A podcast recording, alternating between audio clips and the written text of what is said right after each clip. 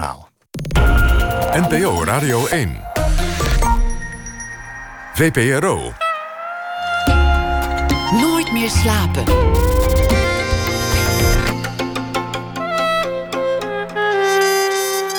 Met Elvie Tromp.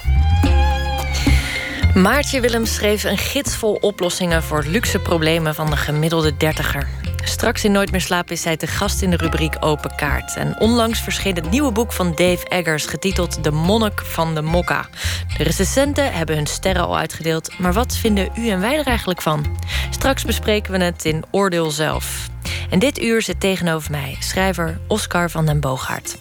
Hij schreef talloze romans en toneelstukken die werden vertaald en verfilmd, schreef onder meerdere pseudoniems en werd door de standaard uitgeroepen tot belangrijkste schrijver van zijn generatie. En nu is daar Kindsoldaat, de sleutelroman in zijn oeuvre, al dus van den Boogaard. De afgelopen weken dook de pers er bovenop, want in het autobiografische familie-epos doet Van den Boogaard uit de doeken dat prins Bernard zijn biologische vader is. Oscar, welkom.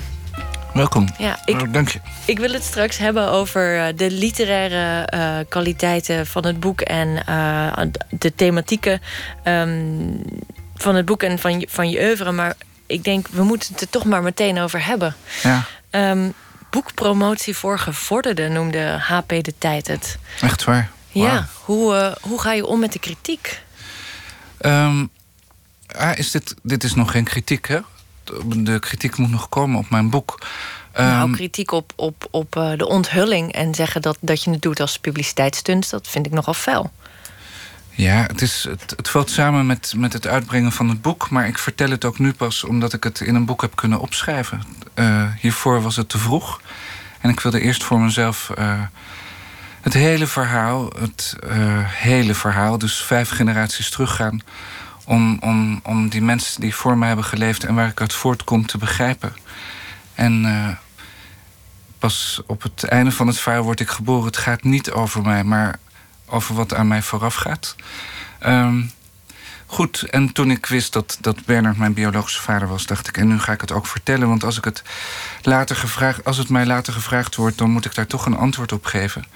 En ik dacht, uh, oké, een week voordat het boek verschijnt. Uh, een, een goede interviewer van de NRC, uh, waar ik me veilig voel, dan kan ik mijn verhaal vertellen. En de rest maakt me niet uit.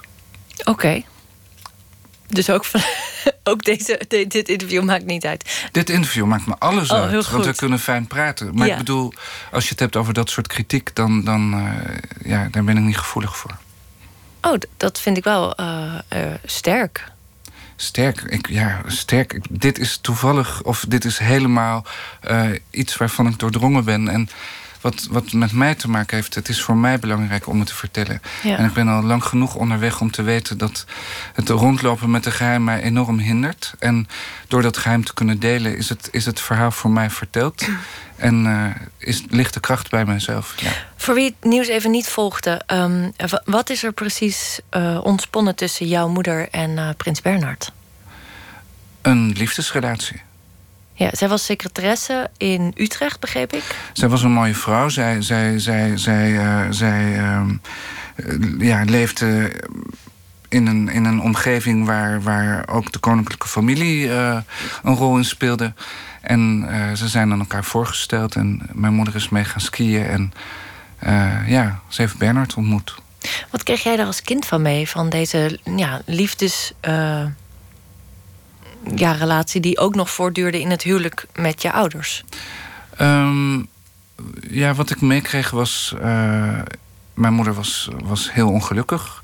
Ze was zwaar aan de drank. Uh, ze was heel mooi, maar ze was ook heel uh, horizontaal. Ze lag vaak op haar buik voor de televisie met een blad sterke koffie, calvados en bittere chocolade. Um, zonnebril op, laarzen aan. Uh, ze sliep haar roes uit. Als ik uit school kwam, schonk ik haar glas in. Dus ik zag aan de ene kant een vrouw die, die, die ongelukkig was. Aan de andere kant had ik mijn vader die, die de prins adoreerde. Uh, die ieder jaar ging marcheren voor de prins als ex-paracommando. of als paracommando, ja, dat ben je voor het leven. En uh, hij, hij poetste de zilveren lijstjes waarin de prins uh, pronkte. Uh, dus mijn moeder had een kabinetje en daar zaten allemaal foto's in van haar kinderen, maar ook van de prins en van wintersportsituaties. Dus er was, een, er was een derde man heel duidelijk, of een tweede man bedoel ik, uh, heel duidelijk in de familie aanwezig. Nou, jij was misschien dan de derde man. Dus, ik was de derde man. Want je moeder kroop ook bij jou in bed. Nou ja, dit is, dit, dit is allemaal heel. Uh, klinkt allemaal zeer kort door de bocht. Maar, ja, we gaan er ook wel meteen diep in.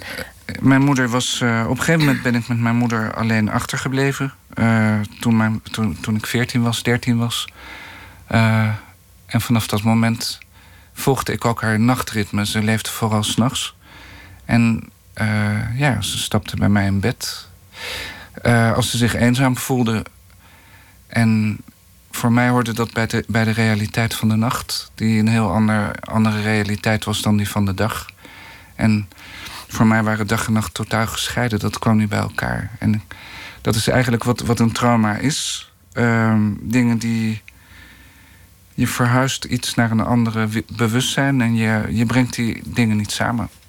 Dus toen mijn moeder in die periode aan mij vertelde dat Bernard mijn vader was, heb ik dat niet kunnen in de realiteit beleven. Ik, dat hoorde bij de nacht, dat hoorde bij, bij, bij angst, dat hoorde bij schuldgevoel. En ehm, dat geheim was niet alleen maar een geheim dat ik had, maar ook het geheim dat ik zelf was, waardoor ik daar geen afstand van kon nemen. En ik kon dat niet inzetten om, om er iets mee te doen. En ik wist dat mijn vader echt een kogel door zijn kop zou jagen als hij, als hij dit zou weten. En dat ik ook mijn zusjes, die, waarvan ik zielsveel houd, Ehm, daarmee van me zou afdrijven. Dus ik, ik werd volkomen in, die, uh, in dat geheim opgesloten. En Bernard gokte erop dat dat geheim een geheim zou blijven. Zeker tot zolang mijn vader zou leven. En mijn vader, hij wist ook dat mijn vader hem zou overleven. Die kans was zeer groot en dat is ook gebeurd. Ja. Um, het trauma is nu uit nou ja, de, de realiteit of de, de nachtrealiteit naar het daglicht gebracht door jou. Ja. Eh, door deze roman. Ehm, hoe, hoe, hoe voelt dat nu? Is het dan ook opgelost, dat trauma, of blijft dat voor altijd? Uh, ik voel me nu sterk. Ik voel me nu krachtig. Ik kan nu gewoon mensen in de ogen kijken. Ik kan nu. Wat ik nu de afgelopen week heb gedaan, is naar allemaal vrienden die ik eigenlijk in de loop der jaren um, ja, los heb gelaten of waar ik van ben weggegaan. Uh, om ze terug te zien en om, om dit te vertellen. Omdat het rondlopen met een geheim maakt je ook in je vrienden, in je vriendschappen eigenlijk maar half beschikbaar. Ik heb het gevoel dat ik toch uh, niet helemaal eerlijk kon zijn, omdat ik voor mezelf niet eerlijk was. En dat vaderschap, het klinkt zo futiel uh, op een bepaalde manier van wat maakt het nou uit wie je vader is. Maar ik merk dat ik daar, daar altijd enorme last van heb gehad. Het is alsof dat dat, dat Bernard en mijn vader twee dingetjes in zo'n flipperkast waren... waar ik als balletje de tijd maar tussen, tussen zat uh, heen en weer te gaan. Zonder dat ik echt vrij die flipperkast door kon gaan. Ik zat daarin, daarin enorm gevangen. En um, ik, heb dit, ik heb al heel, heel veel romans geschreven. En ik heb, hier, ik heb dit onderwerp eigenlijk al op heel veel manieren proberen te benaderen. Maar nooit zo volledig. En ik ben nooit de, de, het verleden ingedoken. Ik heb altijd een vlucht vooruit gemaakt naar, naar een hedendaagse wereld, naar, naar hedendaagse kunst, naar, naar, naar, naar verlangen, naar een sprong vooruit. Um, en mijn laatste roman in 2013 was dat. Het jaar dat mijn vader stierf, was ik echt alleen nog maar uh, gevlucht in een onderwaterwereld in de Golf van Napels, waarin ik uh, een jaar lang heb rondgezwommen en honderden octopussen heb gevangen en gedood en kapotgeslagen en opgegeten. Um, in die onderwaterwereld, uh, dat was een soort ultieme vlucht. En het boek eindigt met, met de dood van de vader. Uh, en de zoon besluit dan om, om niet naar Nederland te gaan en zijn vader niet te gaan begraven. En dat, hoewel mijn vader net gestorven was, maakte ik niet eens de link met mijn eigen vader. Ik dacht, ik schreef dat vrij onbewust. maar uiteindelijk was dat voor mij zoals ik het nu zie, wel een manier om te zeggen: hé, hey, luister eens even, ik moet nu wel echt met mijn echte vader bezig zijn. Ja, het is, het is een hele ordinaire vraag, maar is schrijven dan ook een vorm van therapie voor jou? Nou ja, schrijven is voor mij een manier om dingen uit te zoeken. Therapie, dat woord heb ik niet nodig, maar natuurlijk is het onderzoek. Onderzoek naar identiteit, onderzoek naar, naar uh, waar taal je kan brengen. Maar het is Ja, deze roman is, is, was voor mij eigenlijk een, een, een, zoektocht naar de bron. Mijn eigen bron, de bron van mijn familie. Die ik probeerde te doorgronden. En uh, het is me verbazingwekkend, voor mijzelf tenminste... gelukt om contact te maken met mijn voorvaderen. Het is... Uh een, een, een epos van anderhalve eeuw, meer dan anderhalve eeuw. Uh, het omspant ook een stuk wereldgeschiedenis, de twee wereldoorlogen. Ja. Um, hoe, hoe heb je research gedaan hiervoor? Ik wist veel uit, uit verhalen. Uh, in onze familie waren veel verhalenvertellers. Er waren veel dingen die me, me zijn bijgebleven. Um, en ik, heb, ik zat in Berlijn te schrijven, waar ik woon. En uh, ja, er zit een heel Duitse component aan het verhaal. En alle antiquariaten waren in de buurt. En ik kon het ook mensen vragen. En, um, ja. Maar ik heb niet heel veel research gedaan. Ik, ik, heb, ik heb vooral geschreven. En ik heb eigenlijk geschreven in een roes zonder er al te veel bij na te denken. Um, ja, het is er zomaar uitgekomen. Oké, dus het is. We volgen vooral de vrouwelijke lijn. Maar je hebt wel de vrijheid genomen om die personages dan hun eigen karakter te geven. Of in jouw ogen? Of waren er, waren er beelden waar je door liet inspireren? Zijn nee, al deze familieverhalen. Mensen... Het, is, het, bedoel, is... Het, het, belangrijkste was een familiekasteel. Uh, dat lag op de grens van Nederland en Duitsland... in het noorden van Limburg. En dat kasteel fascineerde me omdat, uh, omdat daar een Pruisische poort was... en een Limburgse poort. En het idee dat je gewoon naar Duitsland kon lopen... vanuit het kasteel en naar Nederland... intrigeerde me. En mijn grootmoeder vertelde altijd het verhaal van een jongetje uh, een, een, een, een, een oom of een, een grootvader, dat, dat kon ik me niet meer herinneren. Maar die nooit iets had gezegd tot zijn vijfde. En op zijn vijfde opeens zijn mond opendeed. En toen vroeg hij aan tafel, Zeltspieten. En toen was het zo van, wauw, waarom heb je nooit dat gezegd? En toen antwoordde hij, bis jetzt war alles in Ordnung. Dus dat idee dat daar een Duits jongetje was, een Duits sprekend jongetje op dat kasteel... en dat hij nooit zijn mond open had gedaan. En ik kon me ik heb daar eigenlijk al mijn hele schrijverschap mee rondgelopen met dat jongetje. En op een bepaalde manier uh, ben ik ook zo'n jongetje. Ik heb ook heel lang daarover gedaan om bepaalde dingen te zeggen. Uh, zo, sowieso als kleuter. Ik ben opgegroeid in Suriname. En toen ik in Nederland kwam als vijfjarige... moest ik eigenlijk nog leren praten. Ik kon alleen maar klanken uitstoten. Maar ook nu bijvoorbeeld, als, als, als ik ben nu 53... Uh, ehm, nu vertel ik gewoon wie mijn vader is. Dat is toch ook wel vrij laat. Nou ja, je hebt gewacht tot je ouders overleden. Waarom ze niet te grieven, dat, dat lijkt me redelijk klassiek. Ja, maar toch is het de vorm van niet praten en op een dag je mond open doen. Voelt dat als, als nou ja, de laatste ketenen van kinderlijkheid af, afwerpen dan?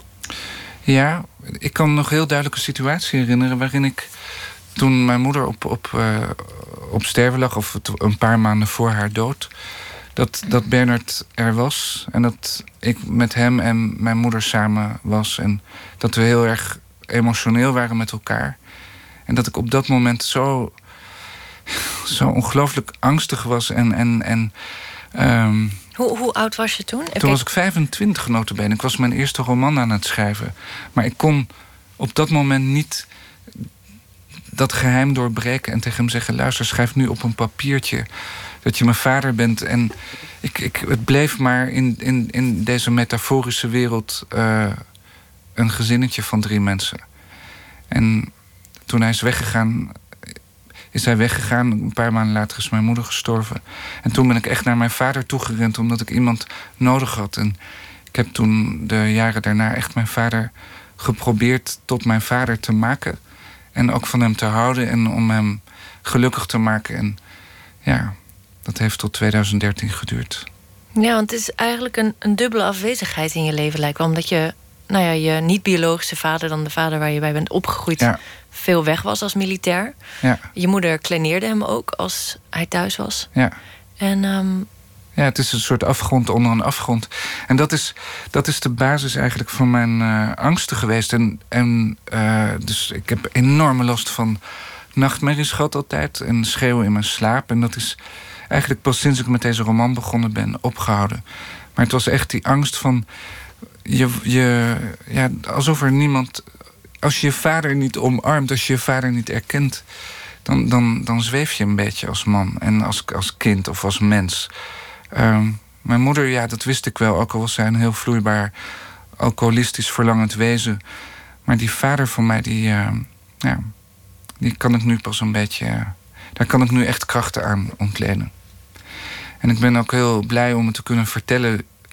Um, ja, heel blij, want ik denk dat het een heel mooie liefde is geweest tussen die twee mensen. Ik denk dat ze heel erg gelijkend waren in de zin van. Uh, ja, soeverein in, de zin van. Ja, wij zijn onafhankelijke wezens, wij kunnen ons alles permitteren. Wij, wij hebben recht op ons tweepersoonstunneltje. Het waren niet van die keurige mensen, dus echt wel mensen die een geheime agenda hadden. En dat vind ik heel positief. En een rijksgevoelsleven. Een zeer rijksgevoelsleven, gevoelsleven, ja. ja. Maar gebruikmakend van vrijheid bedoel ik ook. Hè? Dus pervers in de zin van... oké, je vrijheden, vrijheden toestaan die andere mensen je niet toestaan. Ik denk dat je als mens niet moet wachten op het moment dat de ander zegt: dit mag je doen. Je moet als mens je eigen weg gaan en je, en je eigen, ja, op een bepaalde manier aan je trekken zien te komen. Je moet je daarin niet afhankelijk maken van de goedkeuring van anderen. En uh, zij hebben dat niet gedaan. Neem je het je moeder niet kwalijk dat ze niet bij je vader is weggegaan? Dat ze echt ehm, helemaal voor Bernard zou zijn gegaan? Maar dat kon ze niet, want ik bedoel, dat, was het hele, dat, was het, dat was het hele verhaal. het was geen alternatief. Ze kon alleen maar een tweepersoonstunneltje met hem hebben. En daar is ze zo ongelukkig van geworden. Dus mijn vader was gewoon ja, de, ja, dekmantel, maar misschien ook wel de man waarvan ze hoop, van wie ze hoopte dat hij haar gezond zou maken was een sportman, een, gezonde man, een redelijke man. Uh, iemand die liever wilde kamperen dan naar een duur hotel gaan. Ja, dat, dat sprak haar natuurlijk wel aan, maar het maakte haar niet gelukkig. Speelgoed, dat, uh, dat is ook een, speelt een belangrijke rol in de, in, de, in de roman. Het is het begin geweest van je schrijfproces, heb ik begrepen. Een hutkoffer die je opendeed en dan vond je je oude speelgoed. En het eerste uh, inleiding gaat over dat speelgoed. Ja, nou ja, de inleiding is. Frans. Ja, je had het net over die, uh, die dubbele afgrond of die verborgen vaders. Maar in mijn verhaal was er nog een derde vader die afwezig was. En dat is een krankzinnig verhaal. Maar, maar ik had dus een peetvader, dat was de jongste broer van mijn moeder. En ze had een heel slechte band met hem. Hij was de dissident in de familie. Uh, hij is weggegaan, hij is ver weggegaan. En mijn moeder heeft gedacht toen, toen, toen ik geboren werd, omdat hij in het land was, word jij de peetvader van Oscar. En dat heeft hij, hij heeft ja gezegd en hij heeft mij vastgehouden bij mijn doop. Maar vervolgens is hij weer weggegaan. En twee jaar geleden um, kreeg ik een briefje uit de bezige bij van hem. Waarin hij zei: Oscar, ik ben weer terug in Nederland. Ik ben je peetvader. Uh, ik zou graag het Humpty Dumpty circus willen terug hebben. En de Pruisische soldaat. En de Merklin-trein. En ik was al bezig met deze roman. Ik was al in dat familiekasteel, notabene. En ja, was met dat speelgoed bezig. Speelgoed fascineert me. Speelgoed is voor mij een metafoor voor natuurlijk... voor waar ik zelf mee gespeeld heb... maar ook waar al die kinderen mee gespeeld hebben. En spelend ben je bezig met de toekomst. En in de toekomst ben je eigenlijk aan het realiseren... wat je al spelend hebt bedacht. Ik bedoel, om maar kort door de bocht te gaan... dit is een beetje een principe zoals ik het zie, wat spelen is... En toen dacht ik, nou, zegt Peter om, uh, jij krijgt helemaal niet je speelgoed terug. Uh, maar deze roman kan ik wel aan je opdragen. Want eigenlijk ben jij wel een belangrijke figuur in dit verhaal. Omdat jij als dissident bent gevlucht voor deze familie. En ik heb me altijd wel verbonden met je gevoeld. Ik heb me altijd verbonden gevoeld met die peetoom die er nooit was. Andere kinderen hadden peetooms die iedere verjaardag... met iedere nieuwjaar op bezoek kwamen. Maar ik had een peetoom die er nooit was. En dat kreeg voor mij een soort abstracte geweldige waarde. Zo van wauw. Ja, bijna als hedendaagse beeldende kunst, als, als een abstract schilderij. Wauw, een soort superpeetvader. En die afwezigheid heb ik echt gevuld met 600 pagina's roman. En um, waarom zou hij dat speelgoed terug willen? Waarom heeft hij toch dan toch die hang naar de, ook dat, dat kinderlijke onschuld. Hij heeft ook een creatief beroep, begreep ik. Hij was acteur, ja. ja. Um, Voel je hem ook daarom verwant? Dat hij ook een creatieve inslag heeft? Natuurlijk, hij was de dissident, hij was de kunstenaar. Dat, dat terug willen gaan naar speelgoed, ik vind het zo mooi. Hij, hij, hij is zo kwaad geweest op die familie. Die familie heeft hem zo ongelukkig gemaakt. Heeft hem nooit erkend, heeft hem altijd de artiest genoemd, laat dunkend. Um, Maar dat hij op zijn oude, oude, oude dag dat speelgoed wil weer zien. Dat speelgoed waar zijn ouders en grootouders mee gespeeld hebben. Hè? Want het is 19e eeuw speelgoed waar ik het over heb. Je hebt het nu ook bij je, toch? Ik heb iets bij me, ja. Um, zal ik je straks laten zien. Maar dat zo'n oude man dat speelgoed wil hebben... betekent gewoon toch dat hij wil, toch een, iets van geluk nog ziet... in, in, in, uh, in dat begin van zijn leven. En dat, dat is natuurlijk heel mooi. Maar uh, je, poseert ook in de NRC met dat, uh, met dat soldaatje, dat Pruisische soldaatje ja. op je schouder. Ja, dat heeft de fotograaf gevraagd. Van waar is het soldaatje? En ja, toen zat het op mijn schouder. Ah, oké. Dus het is geen doelbewuste manier om hem te tarten. Nee. Zo klinkt het nu wel. Dat ik denk, ach, waarom gun je die oude bejaarde man niet zo speelgoed? Nee, het was, het was iets heel eigenaardigs met hem. Dus hij schreef mij en ik, ik, uh, we maakten een afspraak. Op een gegeven moment belde hij me op dat ik de afspraak was vergeten. En ik was die afspraak echt vergeten. Ik ben. Ik had het afgesproken op een maandag om naar, naar dat bejaardentehuis te gaan in Nederland en vanuit België. Um, en ik ben het vergeten. Dus blijkbaar zat het zo. Ik weet niet of het wraak was. Maar het was een heel onbewust proces. Maar ik heb hem laten zitten. En daarna heb ik hem ook nooit meer gezien. En die oude man, die was nooit mijn peetvader. Dus waarom zou ik dat speelgoed aan hem teruggeven? Nou, omdat je je erkent met hem als kunstenaar. Helemaal niet. Je zegt net, ik voel me verwant aan nee, hem. Nee, ik dacht, ik, ik, ik de geef... artiest ik, van de ik, familie. Ik, draag die roman aan hem op. Uh, dat en... vind ik nogal wat. Hoe lang hebben we eraan geschreven? Ja, een paar jaar. De sleutelroman. Draag je op aan iemand ja, die je nooit hebt ontmoet. Ja. Maar hij leeft nog, toch? Hij is een half jaar geleden gestorven. Ah, oké. Okay. Ja. ja. Dus uh, drie afwezige vaders. Ja. Een uh, roman is gemaakt van het kwaad, zoals een tafel van hout, zei de Franse schrijver Julian Green ooit. Dat is een citaat uit een column van je. Ja. Ja. Ben je wraakzuchtig? Nee. Nee, maar ik ben wel op zoek naar. Uh, als ik een roman schrijf, gaat het, gaat het niet over moraal of gaat het niet over goed of kwaad. Um, in principe. Um, maar ja, je, je maakt kennis met al deze mensen die, uh, die, die ook hele moeilijke en verschrikkelijke kanten hebben. En die eigenlijk hun kinderen daar, daarvoor, uh, daarvan een slachtoffer maken. En dat wordt gewoon voortgedragen uh, in volgende generaties. Ik vind het heel fijn om ontdekt te hebben voor mezelf dat een verhaal in je leven een oud verhaal is. Dat het niet zozeer het verhaal van je ouders is, maar dat je verder terug moet gaan. En uh, die lange lijn, uh, die, heb ik, die heb ik voor het eerst kunnen vasthouden. En die lange levenslijn, uh, ja, die heb ik in beeld kunnen brengen. En je zei net dat het vooral vrouwen zijn in het boek. de, de perspectieven liggen inderdaad bij een aantal vrouwen, bij, bij, bij vier vrouwen in vier generaties. dat klopt wel. Maar ja. er zijn natuurlijk ook heel veel mannen waar naar verlangd wordt. En mannen ook waar, waar veel in geprojecteerd wordt. Nou, het is niet de eerste roman waarin je familie-epos langs de vrouwelijke kant beschrijft. Is, is dat misschien ook een, een uh, feministisch gemotiveerd door jou? Je denkt, er moeten meer vrouwelijke helden in de literatuur? Nee, dat, dat, is, dat is echt een verschrikkelijke opmerking. Ik bedoel, dat mag jij zeggen hoor. Misschien maar is dat wishful dat, thinking van mijn dat kant. Dat is zo alsof je, alsof je op een soort. Nee. Ik, ik ben opgevoed door een vrouw die mij dwong om mij in haar te verplaatsen. Een alcoholiste, uh, narciste, wat wil je nog meer? En mijn manier van overleven was om haar te begrijpen. En ik ben als kind gedrild om in dat begrip. Uh, om me in dat begrip te nestelen en om vanuit haar te voelen. En dat was gewoon een fulltime opleiding. En uh, ik ben heel goed in me in vrouwen verplaatsen. Ik denk dat wel. En ik kan daar woorden voor vinden. En ik kijk naar mannen toch heel erg vanuit het vrouwelijke perspectief. Dat klopt. Uh, is dat feministisch? Misschien is het een bijkomstigheid, maar niet uh, de eerste drijfveer. Dat kan heel goed. Ja, er zijn veel. Het is gewoon vaak als een familie-epos, zeker als het over de wereldoorlog gaat, uh, wordt het vanuit het mannelijke perspectief beschreven. Omdat ah, ja. dat doende beroepen zijn die vaak invloed hebben ah, ja. op uh, de ja. wereldgeschiedenis. Maar wat interessanter is aan vrouwelijke personages, ook in deze roman, is dat ze in een keurslijf zitten van verwachtingen. Ja. Uh, en ook zichzelf daarin laten draaien, gewillig. Ja. En daar uiteindelijk uh, uh, de consequenties van moeten maken. Dus dramatisch gezien zijn het interessantere personages, vind ik.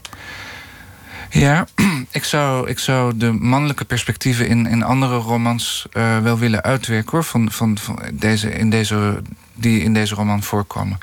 Er is bijvoorbeeld een, een jongen die aan het begin van de Eerste Wereldoorlog naar Duitsland gaat en dus later die, die nazi wordt. Uh, een heel naïeve figuur die eigenlijk veel meer geïnteresseerd was in het vaandel dat hij ooit van zijn overgrootvader heeft gekregen. Die nog in de spiegelzaal in Versailles heeft gestaan toen de eerste Duitse keizer werd ingehuldigd met dat vaandel in zijn hand. Uh, dat vaandel is in onze verkleedkist terechtgekomen. En het idee dat er zo'n vaandel werd overgedragen van generatie op generatie. Eerst was dat vaandel uh, versleten geraakt door al die veldslagen die geleverd waren. Door de Duitsers, winnend op de Fransen en dan uiteindelijk aankomend in Parijs. Uh, ja, bij de inhuldiging van de keizer nog een beetje mee gewapperd. Maar later dus in de verkleedkist in dat kasteel... en later door al die generaties spelende kinderhanden gegaan.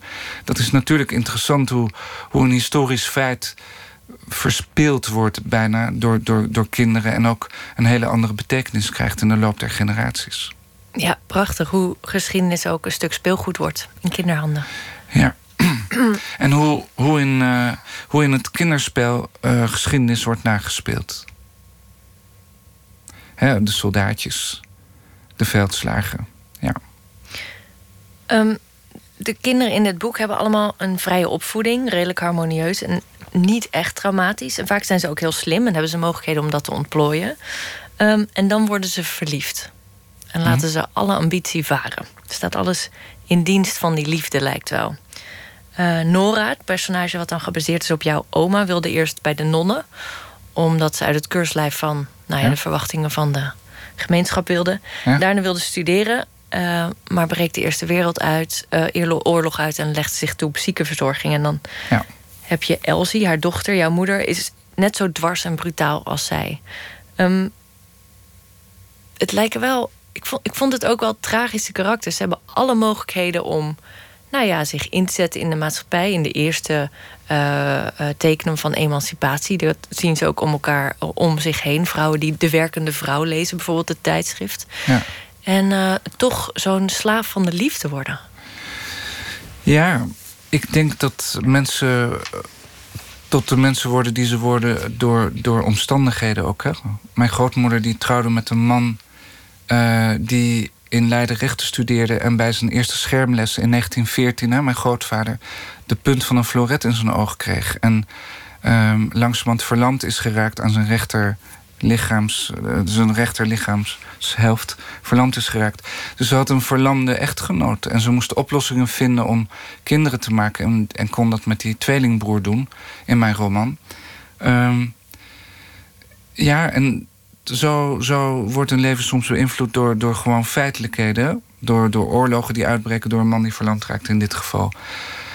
Um, tragisch. Ik vind deze vrouw uiteindelijk helemaal niet tragisch. Um, ik vind vrouwen tegenwoordig heel tragisch die uh, fulltime carrière maken en fulltime geen tijd hebben om aan zichzelf toe te komen. En fulltime 40 zijn geworden en diep ongelukkig en burn-out. En uh, ik weet niet, tragiek is overal. Je moet niet. Ik, ik geloof dat tragiek, als je dat wil, is is waarneembaar zelfs bij jezelf. En dat is ook helemaal niet erg. En als romanschrijver kun je die tragiek benoemen. Um, en ik geloof niet in neergaande spiralen of zo. Ik geloof niet dat mensenlevens gedoemd zijn om te mislukken. Helemaal niet. Maar de zwaarte van het bestaan wil ik, wil ik in een roman wel kunnen beschrijven. En het liefst op een lichtvoetige manier, zodat, zodat je er ook nog ja, bijna om kan glimlachen. Niet uit cynisme, maar meer vanuit ja, zo herkenbaar. Dat is nu eenmaal de tragiek van het bestaan. En dat is ook heel mooi. Um, en dat is ook heel menselijk. En dat is mooi om te kunnen delen en om dat te kunnen lezen. Nou, dat is zeker ook de kracht. Eh, dat uh, je ziet hoe ze. Nou, het zijn geen grote misstappen, het zijn geen grote trauma's. Je denkt, oh, die oorlog breekt uit. En nu, nu gaat die hele familie naar de, naar, de, naar de Filistijnen. Maar het is de punt van een floret tijdens de schermles die nou ja. de tragische wending in het huwelijk uh, teweeg brengt. Dat is natuurlijk heel verdrietig. Nou ja, wat, wat zo, mijn grootvader vertelde, of mijn grootmoeder vertelde altijd... die grootvader die was een slachtoffer van de Eerste Wereldoorlog. Hij woonde in Nederland notabene, neutraal tijdens de Eerste Wereldoorlog. Maar hij werd geraakt door die floret door een Belgische student die gevlucht was uit Leuven voor de Eerste Wereldoorlog. Dus als er geen Eerste Wereldoorlog was geweest, was die student niet naar Leiden gevlucht en was mijn vader niet door die floret geraakt. Dus dat is het uh, lot van de, van de geschiedenis of van het lot van het lot. Ja. Het lot van het lot, dat is een mooie ondertitel. Um, ik vind uh, de opvoeding van de kinderen zo vrij. Ze zijn redelijk vrij van religie. Uh, ze zijn brutaal. Ze kunnen echt hun weerwoord houden tegen hun uh, nou ja, ouders, iedere generaties.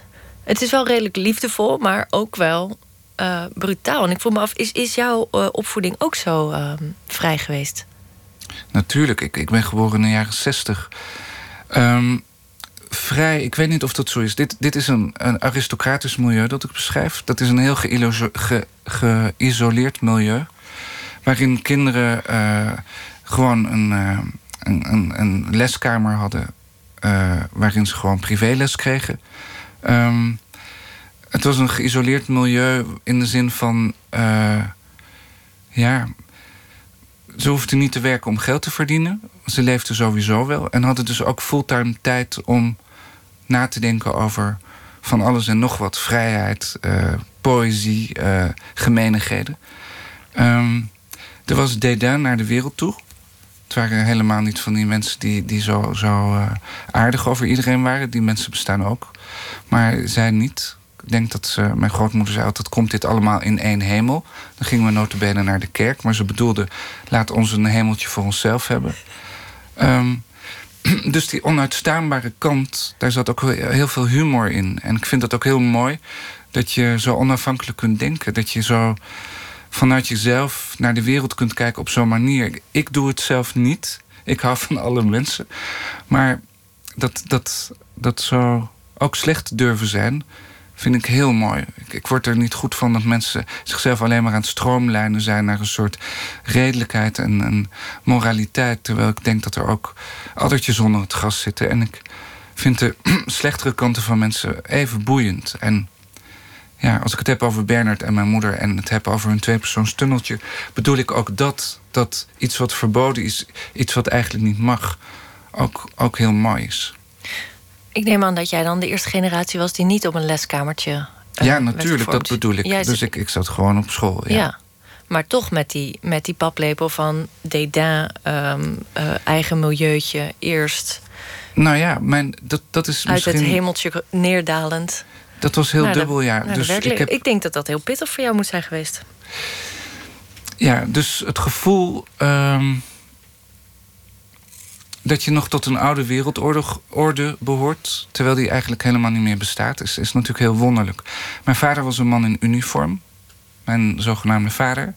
Ehm, de prins was de prins. Mijn moeder was gewoon de moeder uit dat milieu dat gewoon zichzelf kapot dronk. Um, er kwam nog een aartsbisschop op bezoek ook. Dus er waren veel uniformen en, en uh, ja, de aartsbisschop was eigenlijk een beetje de familiepsycholoog.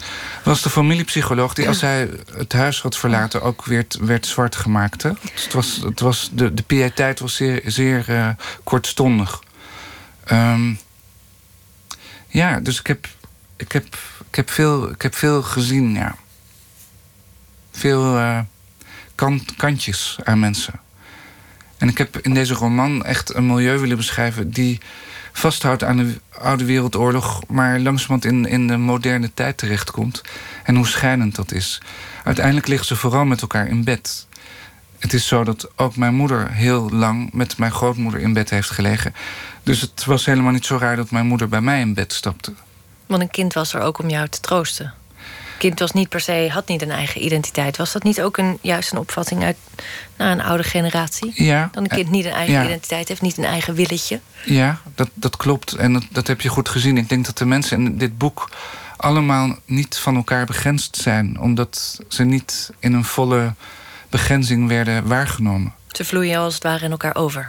Ze vloeien in elkaar over. Ze, ze, ze nemen elkaars plaats in hier en daar. Ze, ja, is dat ook het punt wat je wil maken? De, de toekomst en het verleden vloeit in elkaar. En jij bent nou ja, uiteindelijk het resultaat van jouw hele geschiedenis. Ja? Ja. Denk het wel. Nou, heel kort gezegd. Dat is het punt dat jij voor mij formuleert. Ik, ik, ik schrijf niet een boek om een punt te maken. Ik schrijf een boek bijna vanuit een roes om iets. Ehm, ja, bijna te kanaliseren wat, wat, wat, wat in mij zit. Al deze mensen die, die door mij heen stromen. Maar ja, uiteindelijk, uiteindelijk kom ik tevoorschijn op het einde van dit boek. Ehm, en ik ben het resultaat van dat alles, ja. Heb jij ooit een kinderwens gehad? Sinds ik dit verhaal naar buiten heb gebracht, je zult het niet willen geloven, het klinkt allemaal zo fantastisch, maar sinds ik dit nu, uh, sinds een week, hè, dit is een week geleden, dat ik bij Jinek, Jinek ja. dit verhaal vertelde. um, kan ik me wel voorstellen om kinderen te hebben. Ik, heb, ik, ik kon dat me nooit voorstellen. Maar nu dat vaderprobleem is opgelost, ziet de wereld er voor mij wat dat betreft anders uit. Nee, je hebt wel duidelijk opvoedkundige ideeën, ook regelmatig in je columns. nou ja. Um, ik wil je even citeren. Je moet je identiteit veroveren. En dat is een langzaam proces. Het is niet even naar Ikea gaan en klaar is Kees. Want mensen mooi maakt is de weg die ze hebben afgelegd. Een weg vol hobbels en putten. Zeg liefje, wil je een jongetje of zijn of een meisje? Houd toch op, zeg. Dat gaat dan over dat kinderen deze tijd zo veel als, nou ja, als eigen identiteit worden gezien en gezegd: wat wil je liever? Dit of dat? Ja. Wat wil jij? Ja, dat... ik heb ook het idee dat het aan jou niet heel erg gevraagd werd. Dat het misschien helemaal niet geen kwaad had gekund als het wat vaker aan jou gevraagd werd. Ik heb uiteindelijk precies gedaan wat ik wilde. Uh, ik denk dat je ja, ik word heel melig van die ouders die de hele tijd naar hun kind zitten te kijken en honderdduizend vragen stellen aan dat kind wat dat kind wil. Ik denk dat kinderen vooral willen horen wat, wat de bedoeling is. En je kunt ze wel af en toe vragen wat wil je, maar je moet ze niet de oren van het lijf vragen met wat wil je. En ik word heel moe van heel veel ouders om me heen die eigenlijk niet eens meer zichzelf afvragen wat ze willen, omdat ze alleen maar bezig zijn met wat dat kind wil. En dat kind kan nog niks willen, omdat het nog zo weinig weet van zichzelf. Dus je moet een kind vooral confronteren met dingen, ze dingen laten zien, ze, ze motiveren, maar niet alleen maar vragen wat wil je. Je hebt wel eens gezegd: ik ben gaan schrijven om mezelf een identiteit aan te meten. Ik heb net gezegd dat ik ben gaan schrijven omdat ik geen identiteit had. Ik, ik had geen eigen. Ik, had, ik was alleen maar me in andere mensen aan, aan het verplaatsen. Als ik niet thuis was om me in mijn moeder te verplaatsen, zat ik op school in de lerarenkamer in de pauze om me in de leraren te verplaatsen. En mijn favoriete onderwerp waren hun echtscheidingen of hun politieke keuzes. Maar ik wilde begrijpen waarom ze waren zoals ze waren. En als je dan ik heb recht gestudeerd en Frans en ik kwam op een advocatenkantoor terecht. Ik was 24 en het was het begin van een eh, fantastische carrière misschien. Maar ik dacht op dat moment, ik ben niemand. En ik had ook mijn eerste roman in drie maanden klaar. Want ik moest gewoon uh, opschrijven om iemand te zijn. En dat boek ging niet over mij. Ik verplaatste me niet in mezelf. Ik verplaatste me in anderen. Maar ik leerde dat door je in anderen te verplaatsen... je ook iemand kunt zijn, als je het tenminste opschrijft. Dan ben je de schrijver. Dus dat is hoe ik het heb gedaan. Over uh, uh, nou ja, de, de afwezige Peter Oma, de artiest, werd redelijk laatdunkend gedaan. Was schrijver wel een beroep waar, uh, waar met goedkeuring naar werd gekeken vanuit jouw milieu?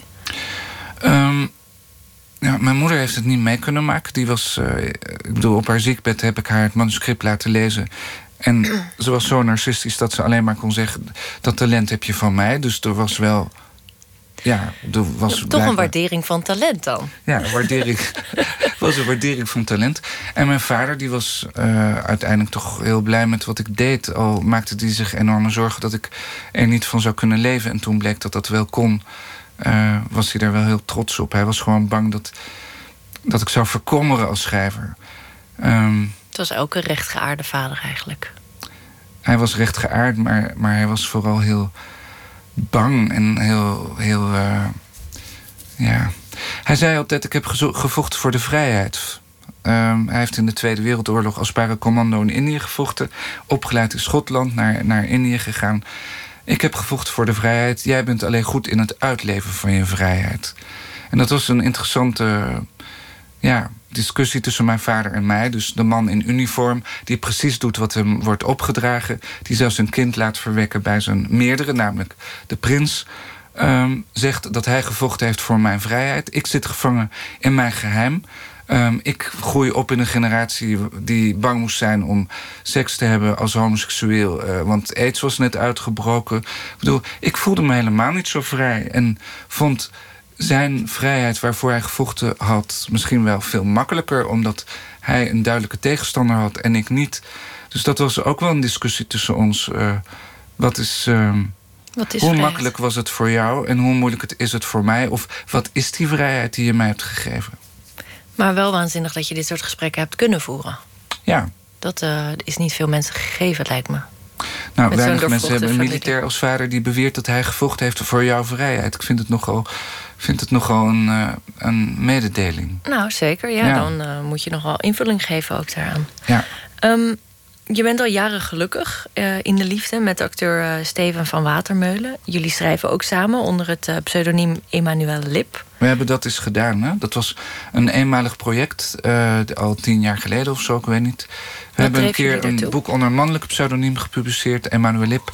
En een boek onder vrouwelijk pseudoniem, Pearl Sweet Life. Dat ontstond omdat ja, ik ben een schrijver, hij is acteur. Toen ik hem leerde kennen in de trein, zei ik... Uh, oh, acteurs zijn mensen zonder tekst. Nu heb je eindelijk tekst in je leven. Ik ben toneelstukken voor hem gaan schrijven. Maar in de loop der jaren ontdekten we dat we wel samen verhalen konden maken. En op een gegeven moment dacht ik, ja... Voor mij als schrijver is, is experiment belangrijk. Ik, ik ben niet iemand die iedere keer hetzelfde boek schrijft. Ik wil ook uitzoeken wat schrijven is en, en ook wat identiteit is. En wat misschien het hebben van een gemeenschappelijke identiteit met iemand anders als schrijver zou kunnen zijn. Dus voor, voor mij en voor hem ook was het een literair experiment. En uh, voilà, Emmanuel Lip en Pearl Sweet Life. Ik denk dat het ook een soort artistieke samensmelting is. Als ja. dit boek gaat over een samensmelting van Ja. verleden en heden, dan Ja. is het samenwerken met een geliefde een artistieke samensmelting. Ja, het was een, het was een, eh, het was een artistieke samenwerking. Uittesten tot hoe ver symbiose gaat. Daarna hebben we, we wel ontdekt dat, dat het voor een relatie beter is om, om uit die symbiose te stappen. En ook om uit die samenwerking te stappen. Maar het was wel heel belangrijk voor ons om dat te hebben. Om dat uit te zoeken, ja. Was, dat, was dat moeilijk om daar dan weer uit te komen? Nee, het was fijn om daaruit te komen. Het was heel moeilijk om daarin te zitten. Op een gegeven moment, je, hè, als geliefden, zelfs samen iets maken eh, en daar geen afstand van kunnen nemen in dat hele werkproces, is gewoon heel. Je kunt de ander niet meer als een ander waarnemen en dat is griezelig. Ik geloof toch dat een relatie is ehm, de ander als een ander zien. En ik geloof ook dat een relatie is, dat, dat heb ik al vanaf het begin begrepen, dat je in een relatie elkaar eigenlijk telkens minder goed moet leren kennen. In, als je elkaar leert kennen, is er meteen die herkenning en meteen dat gevoel van alsof het zo moet zijn, of alsof het eigenlijk het einde van de rit is, alsof, je, alsof het zo is. Ehm, maar daarna leer je elkaar minder goed kennen. En dat is denk ik het doel van de relatie: dat de ander wordt degene wordt die hij moet worden. En dat je zelf dat ook mag zijn. En dat je dan toch nog ehm, samen kunt zijn en daar verbaasd over kunt zijn en, je, en ook van kan houden. Hoe, hoe is het om, om nou ja, naast elkaar te leven? Het is natuurlijk. eh, als acteur leef je ook in, in andermans verhalen. Nu ben je ook heel ver, nou eigenlijk in je eigen verhaal ingeleefd. Ja. Dan is de ander ook soms heel ver weg. Als jij anderhalve eeuw ja, terug hebt zitten graven. Ja. Dat lijkt me best moeilijk. Ja, als Steven. eh, act- nou, hij is altijd wel bezig met een rol. Hij is, hij is vaak s'avonds aan het spelen. Hij is altijd iets nieuws aan het maken. Hij praat daar met mij niet over. Ehm, ik maak mijn boeken en ik praat daar met hem niet over. Eh, wij ontmoeten elkaar buiten, buiten onze individuele werkprocessen. Ehm, en ja, als er een première is, ga ik kijken. En als ik een boek heb geschreven, gaat hij het ook lezen. Maar daar houdt het bij op. Ehm, het is heel fijn dat je in een relatie eh, allebei de ruimte krijgt om je eigen ding te doen. En eh, dat niet te hoeven delen. Ik, ik kom wel eens ergens om een lezing te geven en dan zitten collega-schrijvers van mij. Die worden weggebracht door een vrouw. En een vrouw zit vooraan in het publiek. En lacht om ieder grapje en applaudisseert. En daarna een drankje. En is het een taxichauffeur die de dronken schrijver weer naar huis voert. Dat lijkt me een schrikbeeld. Om je partner als publiek te hebben. Mijn partner is niet mijn publiek. Mijn partner is mijn partner. Is mijn. Ja. Ik. eh, Ik, ik, ik bedoel, ik, ik kijk er niet op neer als andere mensen dat doen met hun geliefde. Maar ik wil mijn uh, partner niet als taxichauffeur of als publiek in mijn leven. Of boekverkoper. Als um, toch, ik, ik, ik heb iets gelezen. Als, als jullie in bed liggen, dan, um, dan ziet hij iets op jouw schouder staan. Het woord guilty staat daar getatoeëerd. Ja, dat staat er al heel lang getatoeëerd. Um, Was dat er nog voor, voor, voordat Steven in je leven kwam? Ja, ja. Wa waar ben je schuldig aan? Nee, dit is een tatoeage die, die Douglas Gordon, een Schotse kunstenaar, op mijn schouder heeft uh, gezet hij vroeg aan mij: Wil jij deze tatoeage hebben? En ik zei ja. Guilty in spiegelbeeld is het hè, op mijn schouder. En uh, ja, dat is een werk van hem en het is een, iets wat op mijn schouder staat. En toen hij dat vroeg, had ik daar wel meteen verbeelding bij. Uh, de schuldomkering, hè? De, het spiegelbeeld. Schuld is voor mij een onderwerp dat is. Uh, nu, nu kan ik daar beter over praten, maar ik voelde me natuurlijk schuldig voor wie ik was. Ik voelde me natuurlijk schuldig als kind van niet van zijn vader. Um, ik, heb, ik heb geprobeerd om me van mijn schuld te ontdoen. En dat heeft veel langer geduurd dan die tatoeage. Dat heeft namelijk tot een beetje tot nu geduurd, zo zie ik dat nu. Ja. Ik voelde me schuldig. Ik voelde me schuldig dat ik een vader had waar ik niet over mocht praten. Is het allemaal daartoe te herleiden, toen al? Ja, dat, zit, dat, dat, dat kun je toch wel voorstellen dat, dat vaderschap wel zeer wezenlijk is. En als je gewoon een geheim met, je, met een giflepel krijgt ingelepeld. En daar, ja, dat is natuurlijk bepalend. En het lichaam is een drager van, van heel veel informatie. En ik dacht het misschien niet met zoveel woorden, maar ik had wel mijn nachtmerries. En in 2004, notabene, het jaar dat Bernard is gestorven, heb ik in Berlijn in mijn slaap mijn arm door twee ramen geslagen. Dus ik werd wakker uh, op een vrijdagavond om 11 uur. Uh, ik had Eckhart Tolle gelezen of zoiets. Een of ander heel spiritueel boekje. Ik had Griekse bergthee gedronken. Ik was niet gedrogeerd, om je dat duidelijk te maken. Um, ik werd wakker van de pijn onder het bloed. Uh, rende naar beneden. Ik woonde boven een café. Meisje achter de bar viel flauw. Um, ik werd in een ambulance geschoven. Ik belandde op een operatietafel. Mijn arm werd dichtgenaaid, slagadelijke bloeding. Zijn hechtingen van 20 centimeter lang. Ik kwam de volgende dag thuis. De deur van mijn appartement stond open. Uh, bloed overal. Ik kom in mijn slaapkamer. Mijn bed lag vol glas. Um, bloed.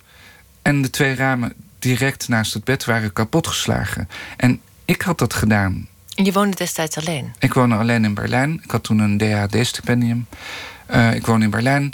Ik had dat gedaan. Moet je je voorstellen dat, dat jij dat bij jezelf doet hè, in je slaap. Je slaap is toch een onschuldige plek. Of de plek waar je in ieder geval jezelf niks kwalijk hoeft te nemen. Maar ik heb gewoon mijzelf in mijn slaap verwond. Er was een enorme uh, in mijn lichaam zat, zat een enorm gevecht. Ja, leverde ik een gevecht. En dat gevecht is natuurlijk zeer duidelijk te verklaren. Door, door, door, door wat ik je allemaal heb verteld. Mm -hmm. um, dat was een van de eerste uitspattingen. Is, is, zijn die dromen nu ook minder geworden? Die dromen zijn. Die, die, dat geschreeuw is opgehouden. Maar dus de tatoeage met schuld in spiegelbeeld en de situatie van jezelf verwonnen in je slaap. Hè, een raam door uh, kapot slaan. Dat, is, dat zijn ook gespiegelde ervaringen. Ja. En ja, ik geloof in symbolen, heel erg. Um, ik denk dat je het leven kunt interpreteren zoals je dat wilt. Maar er zijn, ja, als je wilt, kun je dingen wel zien. Ja, dit was natuurlijk een duidelijke vingerwijzing. Je moeder die dronk om haar pijn en verdriet uh, nou ja, te, te, te, te, eh, te, te laten verdwijnen. Wat, wat, is jouw manier om, uh, om om te gaan met verlies en trauma? Ik, voor mij schrijven een manier. Ik denk dat ik in mijn normale bestaan ben ik heel vrolijk en heel bewegelijk. En ga ik altijd op zoek naar, naar het positieve. Maar in mijn schrijverschap kan ik gewoon ook de zwaarte uh, aanraken. En ja, kan ik, hoewel mijn, mijn vorm vaak heel licht is, omdat mijn taal heel bewegelijk is en, en melodieus. En, en uh, ja. Ben je verslavingsgevoelig? Um, ik ben verslavingsgevoelig. Uh, ik denk dat ik wel verslavingsgevoelig ben, maar ik, ik, uh, ik, ik, ik heb mezelf wel behoorlijk goed in de hand. Ja. Ik. ik, ik uh, ja, verslavend. Schrijven kan een verslaving zijn, bijvoorbeeld. Hè? Ik, heb, ik heb dit boek geschreven in een roes. Dat betekent dat ik, dat ik gewoon jarenlang in, een, in één houding achter een tafel heb gezeten. Dat is een verslaving natuurlijk. het is een totale overgave. Uh, die op een gegeven moment niet zo gezond is. Hè? Want je verkrampt helemaal. Maar goed, dat, dat is een manier voor mij om, om te kunnen schrijven. Maar vroeger had ik veel mensen in mijn omgeving die verslaafd waren, trouwens. Ik, ik voelde me aangetrokken tot, tot alcoholistische vrouwen en tot, tot gedrogeerde mannen en tot omdat ik hem begreep. Maar sinds een jaar of uh, sinds mijn veertigste of zo... ga ik alleen maar om met mensen die een beetje die, die gezond zijn. Ik ben niet meer geïnteresseerd in mijn rol van begrijpende figuur. Ik wil gewoon mensen om me heen die, die recht van lijf en leden zijn... en mij ook kunnen waarnemen en die ik ook kan waarnemen. Maar niet die vermenging die, die ik zo goed ken... en die ik eigenlijk voortzette vanuit de gewoonte. Dus Griekse bergthee vanaf nu? Nee hoor, helemaal niet. Maar die avond was dat Griekse bergthee. Nee, maar... Uh, je begrijpt wat ik bedoel, ja, hè? ik begrijp heel goed wat je bedoelt, ja. Um, je switcht veelvuldig tussen uitgeverijen en van pseudoniemen. Nee. Oh ja. ja. Nou, Vroeger nou, van uitgeverij. Ik zit al tien jaar bij de bezige bij. Ah, oké. dus je bent nu op je plek. Ik ben al heel lang op mijn plek. Maar ik begon dat in, toen ik 19, in 1990 toen ik 25 was, bij Johan Polak. En dat was een uitgever met alleen maar dode schrijvers. Dus het was niet zo raar om op een gegeven moment uit die. Van onder die uh, grafsteen te kruipen. Ja. En naar een levende uitgeverij te gaan. Maar waarom dan ook met andere namen spelen? Dat waren die twee pseudoniemen die ik, die ik heb moeten gebruiken met mijn partner. Mm. Ik, ik, ik, wij hadden een nieuwe naam nodig. Want wij waren niet twee mensen. Wij, wij hebben dat geschreven samen. Dit is betekent... de Jong met het NOS-journaal. Ik kwam even het NOS-journaal doorheen. Maar we gaan gewoon nog even door. We hebben nog even. Dus, oh, dat eh, kan, ja. Ja, soms gebeurt dat. Oké, goed. Maar snap je, ik heb, wij, hadden een, wij hadden pseudoniemen nodig... omdat wij samenkwamen in een schrijver. Dus we hadden, we hadden dat nodig. Dus ik speel niet met pseudoniemen. Maar als je samenwerkingen aangaat... heb je misschien een nieuwe naam nodig. Dat snap ik. Je zei, het schrijven is voor mij een manier om mijn identiteit uh, te vormen, te heroveren, ja. eigen te maken. Um, nu met dit boek uh, is de sleutelroman geschreven. Ja, je noemt dat sleutelroman. Wat bedoel je daarmee? Nou, dat heb ik zelf, dat uit een, zo noem je het zelf, heb je het in een eerder interview nee, genoemd? Nee, ik heb dat woord nog nooit gebruikt. Maar bedoel je, hier zitten alle sleutels van wie ik ben of wie ja. mijn verleden is? Oké, ja. Want ik dacht dat de sleutelroman betekent dat iedere personage staat voor, voor, voor iemand die, die, die de lezer wel ook kent. Dat, oh. dat de sleutelroman was. Maar goed, in ieder geval. Deze roman is, uh, bevat mijn DNA. Ja. Bevat alles wat ik me kan voorstellen, wat ik, wat ik heb gevoeld. Um, de families die ik heb gezien. De oude wereldorde, de nieuwe wereldorde. Um, de, de geschiedenis die, die deze families heeft bepaald. Uh, en ook in zijn algemeenheid hoe families universeel gezien functioneren. Hoe mensen verwoorden uh, door de generaties heen. Hoe dingen die je meemaakt in je leven vaak al hon, nou ja, honderden jaren zijn voorbereid. Dit klinkt misschien heel erg overdreven, maar ja, aanwijsbaar. Ik moest gewoon een schrijver worden, omdat dit verhaal verteld moest worden. Het is ook een soort hele nuchtere esoterie, bijna. Um, kijk, schrijven is natuurlijk iets spiritueels en iets esoterisch. Het is iets literairs, het is iets praktisch, het is iets lichamelijks. Het is van alles en nog wat tegelijkertijd. Hoe, hoe ben jij als schrijver? Heb jij al uh, een lijn voor een volgende nu al in gedachten? Of moet je nu echt bijkomen van, nou ja, dit, dit, uh, deze onthulling en deze. Nou ja, die, die relatie tussen, tussen mijn twee vaders, hè, de, de, de adorerende vader en de, en de, en de, en de, de autoritaire prins, uh, die relatie de, het kameraadschap, de militaire kameraadschap, die gaat boven iedere relatie met een vrouw. Het verraad, uh, de, de adoratie, um, heroism by association. Uh, dat zijn dingen die me interesseren. Zijn er al plannen voor een volgend boek? Of ja, is dat ze... ik ben er al mee bezig. Ja, want je bent een enorm productieve schrijver. Nou, valt wel mee. Dit, dit heeft vijf jaar geduurd. Ik moest even bijkomen. Ja, dat snap ik wel. Ja. Hoe, hoe heb je ontspand? Ontspannen? Ik heb dit boek geschreven, maar ik moest, ik moest gewoon... Ik, dat had de tijd nodig om dat hele vaderschapsverhaal... wat, wat ook een groter verhaal is. Dat wil ik, je, wil ik nog even zeggen. Dit boek is, is, gaat ook over op een bepaalde manier is dit ook de geschiedenis van Nederland de afgelopen 150 jaar. En ook het Nederlands-Duitse verhaal, omdat ik het ook vanuit Duits perspectief vertel. Aan de andere kant van dat kasteel lag Duitsland eh, per slot. Um, Bernard is ook een collectieve vader. Hè? Het is niet zo dat. Het is, het, is niet, het is een universele figuur. Toevallig is het mijn vader, maar het is ook een universele vader. Een collectieve vader. En in die, zin, in die zin heeft het een goede plek in het boek. Ik heb nog geprobeerd om van deze man een generaal te maken.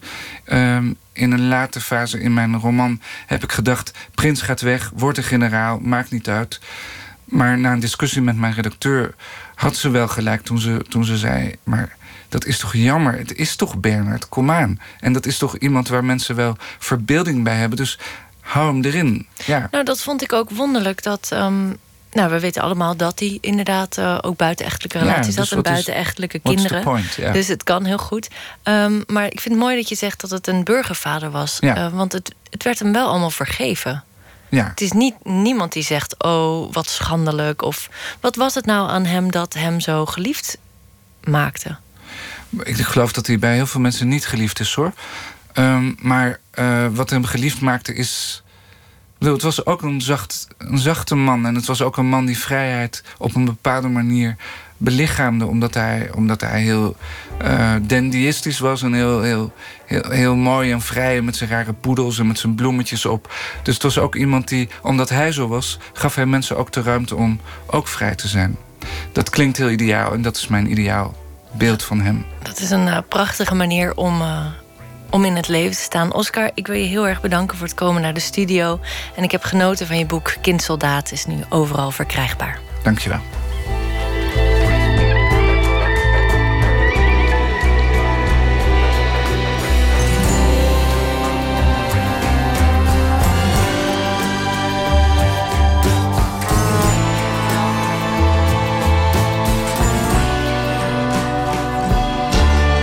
Radio 1, het nieuws van alle kanten.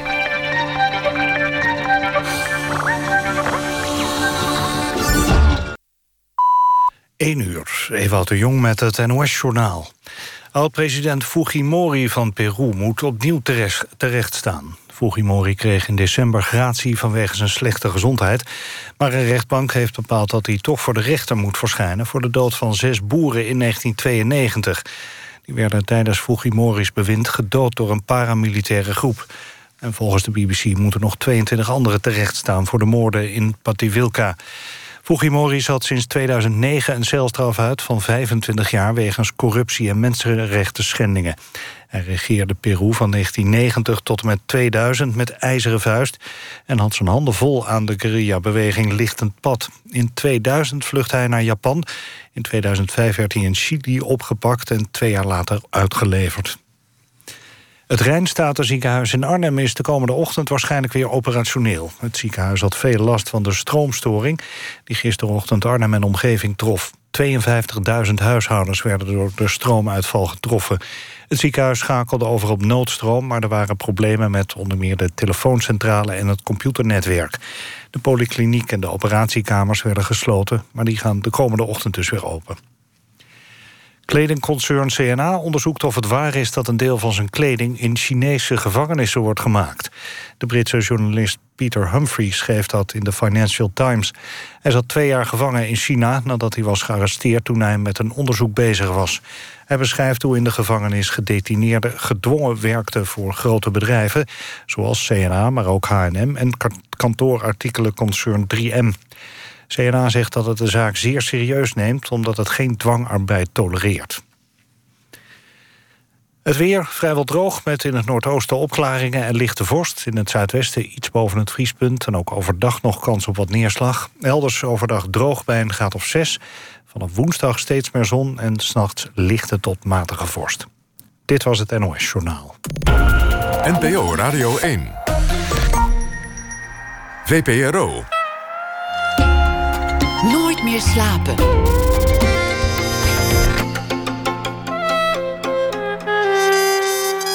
Met Elvie Tromp.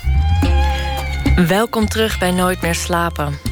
Als dertiger kun je wel wat hulp gebruiken... en dus schreef Maartje Willems het boek Vanaf nu wordt alles beter. Een handboek voor de faalangstige mens die het ook allemaal niet weet. Straks beantwoordt zij vragen over leven en werk in de rubriek Open Kaart.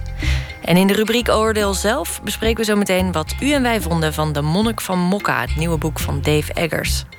Maar we beginnen met proza, dat reageert op het nieuws van de voorbije dag. Deze week verzorgd door Alma Matthijssen. Ze schreef meerdere toneelstukken, een verhalenbundel en romans. Alles is Carmen, de grote goede dingen. En onlangs Vergeet de meisjes, dat verscheen en bejubeld werd. Goedenacht, Alma. Goedenacht, Elfie. Hi. Hallo. Heb jij uh, ook altijd zulke opstartproblemen op uh, maandag na het weekend? Nou, een beetje, maar ik ben toevallig vandaag in Valkenburg. Um, dus ik heb het heel goed. Oh, wat brengt, wat brengt jou in het prachtige Valkenburg? Jij bent normaliter toch uh, te vinden in de hoofdstad? Ja, nou, ik had me eigenlijk helemaal niet voorgenomen om, om hierover te praten, maar het is nu al gebeurd. Ik uh, ben met Hanna uh, op een tripje. Oh, is dit... Hanna zegt ook, hoi Elfie. Oh, hallo, welkom. Wat gezellig. En is dit een, een literair uitje? Twee uh, schrijvers uit de stad die uh, de paden en de paden op en de lanen intrekken? een zoek beetje naar wel, inspiratie? Maar nog een verlaat uh, verjaardagscadeau. Ah, oké. Okay. Dus we zijn hier gewoon aan het wandelen en het dineren. En morgen gaan we de grotten in. Oh, wat heerlijk. Je hebt helemaal geen, je hebt helemaal geen crisis deze maandag. Helemaal geen uh, Nee, maar eigenlijk wel. Want het stuk wat ik geschreven heb... is weer wel een vuist in de lucht. En dat is ook heel belangrijk, denk ik. Dat is zeker belangrijk. Ik ben dol op ja. vuist. En zeker als ze in de lucht gebald zijn. Dus uh, kom maar op. Ik ben benieuwd. Yes. President's Day. Gefeliciteerd, Mr. President. Ik weet dat u liever niet zo genoemd wil worden.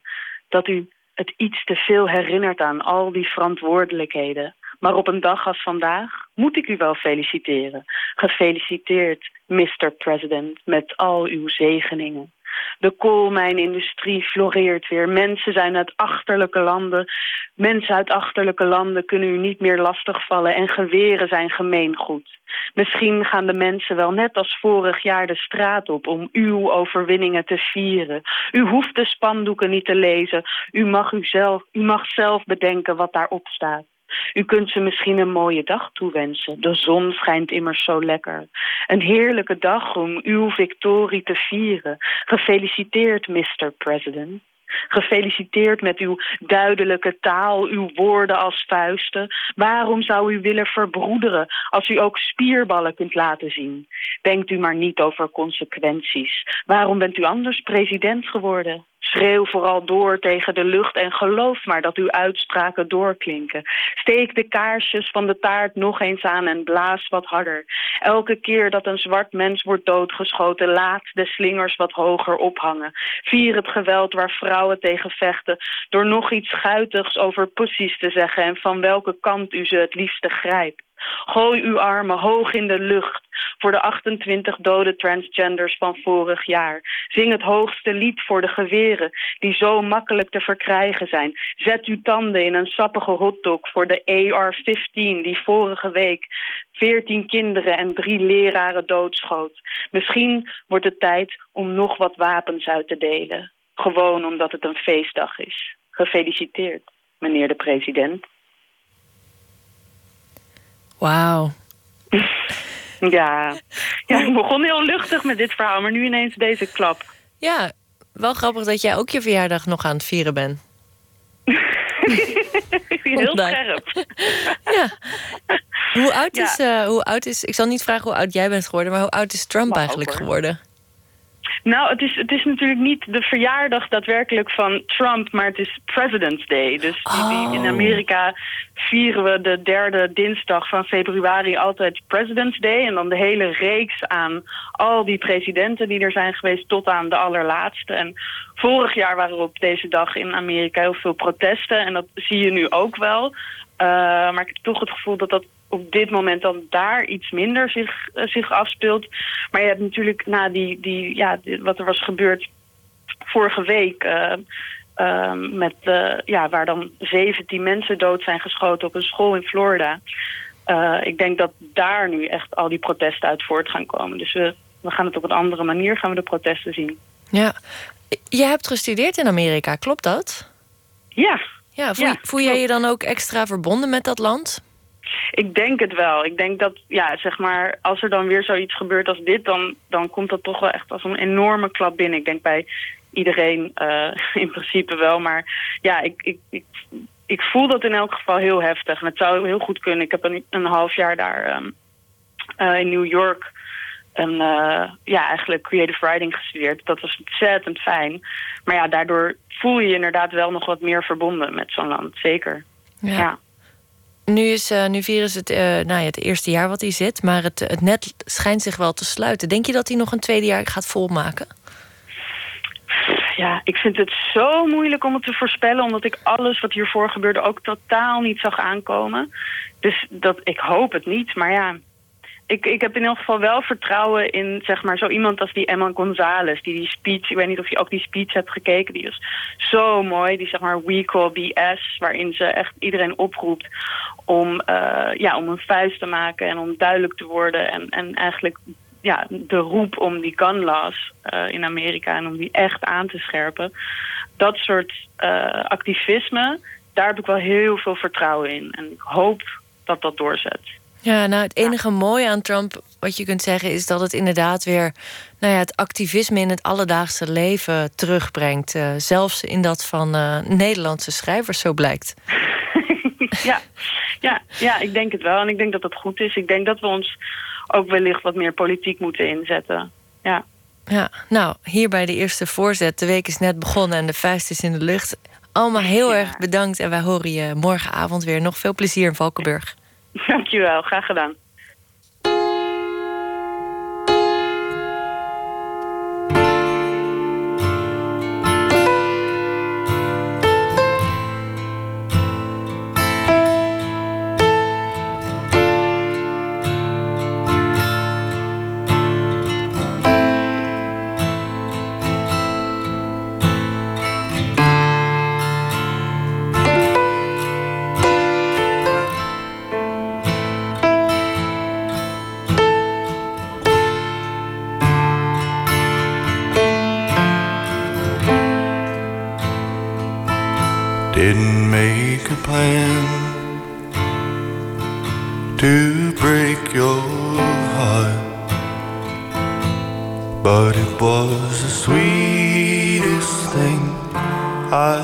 Done. Didn't need a plan, I just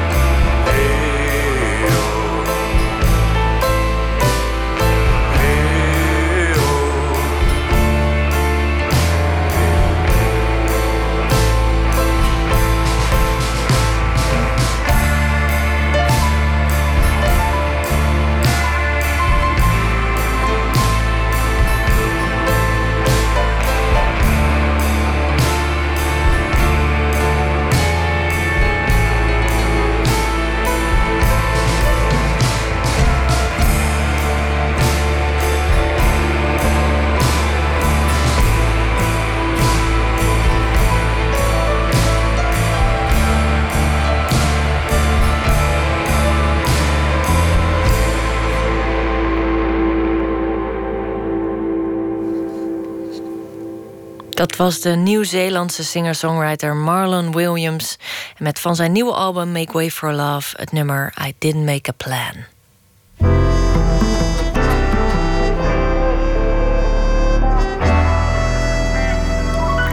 In onze rubriek Open Kaart trekt de gast kaart uit een bak met 150 vragen over werk en leven. En deze keer doen we dat met debutantschrijver Maartje Willems. Ze heeft het boek van nu, vanaf nu wordt alles beter geschreven en het is net uit, vers, een week. En zelf omschrijft ze het boek als een handreiking naar de neurotische, faalangstige medemens die het ook allemaal niet weet. Een soort gids dus. En ze besloot te gaan schrijven nadat Oprah met haar show stopte. Haar raadgeefster viel weg en nu moest ze zelf oplossingen voor haar problemen zien te bedenken. Die pende ze vervolgens op papier. En in haar zelfhulpboek loodste je langs de kleine en grote vraagstukken waar we als dertigers allemaal wel eens mee te maken hebben. En dat doet ze met een flinke portie zelfspot en humor. Welkom, Maartje. Dankjewel. Het is je eerste interview, begreep ik. Ja, Ja? ja ever. Oké. Nou ja, dan kan ik nu nog niet vragen hoe bevalt het. Dat is best eng. Ik vind het heel leuk. ja, Goed zo. nee, maar ik vind het wel. Is dit boek eh, echt eh, exclusief voor dertigers bedoeld? Of kan ik het ook nog eh, aan mijn buurman van 40 geven? Nou, ik denk dat het best wel aan de buurman... Ik sprak net de bewaker, of hoe noem je dat? En die, die was het ook aan het lezen en die, die wilde het verder lezen. En dat was echt geen dertigersmeisje, maar een man van 50. Ja, zeg ik, Robert zonder hem te beledigen, hoop ik. ja zo'n avondberoep doet dat met je eigenlijk. Daar weet ik zelf alles van. Ehm, ehm, eh, je, je schrijft inderdaad eh, veel vanuit het vrouwelijk perspectief. Eh, eh, maar is het ook echt puur voor vrouwen geschreven? Eh, nou ja, ik denk dat er best wel wat universele eh, eerste wereldproblemen voorbij komen. Eh, ik heb, ja, niet, bij mannen zijn natuurlijk vraagstukken als eh, eh, hakken dragen en zo niet echt direct van toepassing. Of in ieder geval niet bij de meeste. Maar over, ja, ik denk dat er wel wat dingetjes in zitten die ook voor mannen wel gelden. Want wat is jouw dilemma met hakken dragen? Nou, het is niet zozeer een dilemma, het is, maar het is meer dat je het... Ik wil het altijd graag, omdat het er gewoon mooi uitziet. Maar aan de andere kant denk ik dan aan de straten waar ik, over, waar ik doorheen moet. En de, eh, eh, de pijn die je hebt aan het einde van, van een dag. En eh, dan denk ik, dan kies ik toch uiteindelijk altijd meestal voor mijn sneakers. Tenzij, tenzij ik echt een, een, mezelf ertoe wil zetten, zeg maar. Ja, gelukkig zijn ze nu ook in de mode weer, de sneakers. Dus hey, als Kim Kardashian het draagt, dan kunnen wij het helemaal. Ehm, je hebt het in het boek vaak over de hoge sociale verwachtingen en ehm, hoe Instagram daar invloed op heeft. Instagram is een eh, social media app waar je alleen mooie foto's van jezelf deelt. Eh, ehm, wat wat eh, moeten we niet Instagram opheffen? Of Ja, ik vind het altijd een heel lastig eh, iets. Oh, dat hetzelfde geldt natuurlijk voor Facebook en Snapchat. Voor al die eh, eh, sociale media waar je even op zit om de tijd te doden. Waar iedereen in het trein de op zit. Aan de ene kant is het heel fijn om af en toe een beetje afleiding te krijgen. En je wil ook de hele tijd beelden zien eigenlijk. Of je bent het gewend. En aan de andere kant geeft het je steeds meer een soort, soort domper. Omdat je denkt, oh ja, die zit lekker op vakantie daar. Die is eh, heel erg goed Dostoevsky aan het lezen. Die eh, eh, heeft zijn hele huis net verbouwd. Die, en, en ik zit hier eigenlijk maar een beetje met het gevoel van... ja, wat zal ik, wat zal ik met mezelf aan? Ik heb nergens zin in. En ik zie er ook helemaal niet leuk uit. En al die, al die, die twijfels. Is, maar als je dan zo'n Instagram erbij pakt... dan kun je wel weer even vluchten in een soort droomwereld. Dus het is eigenlijk een beetje dubbel. Maar ik denk dat het uiteindelijk op de lange termijn... je eh, niet echt van alle sociale media echt, echt heel blij wordt. Maar je zit zelf ook op Instagram. Ik volg je. Ja, ja, dat is waar. Maar ik, er, zit, er zit, het ligt nogal aan wie je volgt natuurlijk. Er zitten ook heel veel gewoon grappige accounts die, eh, eh, die, die ook, die ook eh, zeg maar, problemen eh, wel bespreken. En op een leuke, grappige manier. Dus het is ook wel een beetje eh, wat je volgt. Maar wat me wel opvalt is dat, dat je wel een soort van... Ik zelf ook, je bent wel bewust met wat je plaatst het is altijd een soort zelfpromotie. Je wil jezelf niet op een bepaalde manier neerzetten. Als je, als je drie keer iets verdrietigs hebt gezegd, dan wil je dat niet nog. Dan wil je wel een keer iets vrolijks zeggen, zodat niet de indruk wordt gewekt dat je. Uh, ja, je bent gewoon heel bewust van hoe je jezelf presenteert. En dat, dat, is, uh, dat, dat is gewoon. Ja, misschien uh, een beetje vermoeiend of uh, raar. Of, ja, dat maakt dat je op een hele rare manier naar jezelf en naar de omgeving kijkt eigenlijk. En hoe ga jij daarmee om? Um, ja, ik, ik, focus mezelf vooral op de grappige uh, accounts en, de, en de, uh, de, de vrolijke noten, zeg maar. Niet zozeer op de, uh, de Instagram grammars die echt gaan voor de beauty en de fashion. En ik kijk er wel eens op, maar dan, ja, ik weet niet, dan, dan, dat, ja, daar word ik niet echt heel blij van. Ik snap het. Goed, we gaan door naar de levensvraag in onze doos. De open kaarten. Ik open de doos voor jou en je mag er één uitpakken. Oké. Okay. Oh, ze zijn best zwaar. Het is een soort reuze triviant. Gelamineerd, ja, ja. Oh, vroeger, vroeger uh, maakte ik er altijd grapjes over toen ik stage liep. Dat ik alleen maar dit soort kaartjes aan het lamineren was. Ja, ja, we hebben hele vlijtige stagiaires hier. Uh, heb je een levensmotto? Ehm... Uh, nou ja, ja, weet ik niet. Het is altijd een beetje iedere keer wat anders. Maar onlangs is een, moeder van een goede vriend van mij overleden. En haar levensmotto was vier het leven. En dat vind ik wel heel mooi. Omdat, weet je, omdat, uh, omdat uh, als levensmotto over te nemen, te lenen van haar. Omdat het omdat je zeker met dat soort dingen waar we het net over hadden, dat zijn natuurlijk hele onbeduidende uh, vraagstukken. En uh, zij stond heel positief in het leven en heel, uh, ze was ziek en, en ze droeg het heel krachtig. En um, dus ik, ja, dat zou ik graag, dat heb ik wel van haar ge, geleend, denk Mooi. ik. En hoe heb je de publicatie van dit boek gevierd? Uh, dat is een goede vraag. Met vrienden en, en familie in een kleine borrelachtige setting. Ja, dat klinkt heel goed. Ja, het was heel fijn. Ja, ik wilde niet per se een, een uh, presentatie of zo, maar ik vond het wel, wel leuk om, om, uh, om te vieren, inderdaad. Ik, bij mijn presentatie had ik een beetje het gevoel van alsof ik al iets. Ik dacht van ja, jullie moeten het eerst nog lezen en dan komt er al zo'n presentatie. Dus ik vond dit wel uh, prettig. Ik snap het. Zullen we nog een vraag doen? Ja. Oké, okay, ik ga gewoon random iets pakken. Wanneer ben je wanhopig in het maakproces? Uh, ja, dat is een goede vraag. Um, Dit was je eerste boek. Waar, waar, waar, waar, kwam je, wat kwam je tegen? Voor obstakels? Uh, ja, wat, ik liep vooral heel erg tegen. Um, uh, wat ik nou eigenlijk precies wilde.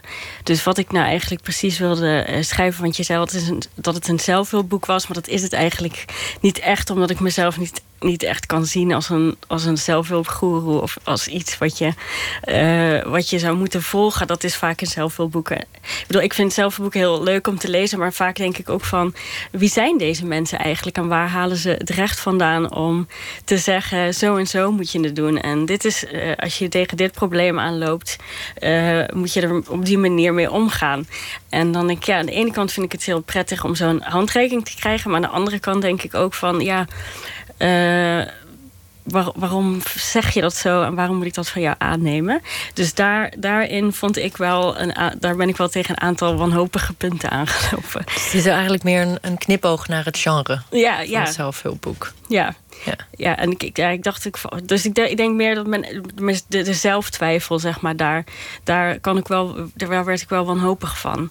Dat ik dan af, dat ik dan af en toe dacht van, uh, waar ben ik mee bezig en voor wie? En, uh, uh, maar goed, dan, dan op een gegeven moment, ik, had heel veel plezier in het schrijven en in het, uh, weet je, in het, in het nadenken over waar, ik het over wilde hebben. En dan ging, ging ik weer opnieuw schrijven en dan, dan gooide ik iets weg of zo. Dat lucht ook wel enorm op, vond ik. Om gewoon af en toe te denken, als je heel lang met iets bezig bent, om gewoon te denken: het idee is leuk, maar uh, het werkt gewoon niet of zo. Ik kan, ik kan, ook wel soms heel ingewikkeld nadenken. Of dan, dan, heb, ik, dan heb ik iets wat ik, waarvan ik denk: oh ja, dit is een heel leuk onderwerp. Maar dan, dan, dan, dan denk ik: het is te ingewikkeld om. Uh, uh, dan heb ik niet duidelijk voor ogen zeg maar, wat ik er nou precies mee wil. En dan, dan slaagt het niet. Wat was een onderwerp waar je niet uitkwam? Um, even kijken, ik heb volgens mij met iets met heel lang gezeten. Wat ik uiteindelijk weggegooid heb. Wat was dat ook alweer? Dat weet ik niet meer precies. Nou, je hebt het zo definitief gewist, ook van je. Ja, ik heb wel een, heel, ik heb wel een heel, heel, heel mapje met uh, dingen die. Een prullenbak, zeg maar, waar ik van alles in heb gezet. Heeft het schrijven van dit boek nou je zelftwijfel verminderd? Uh, niet echt. nou ja, en moedig trok zij nog een kaart uit de bak.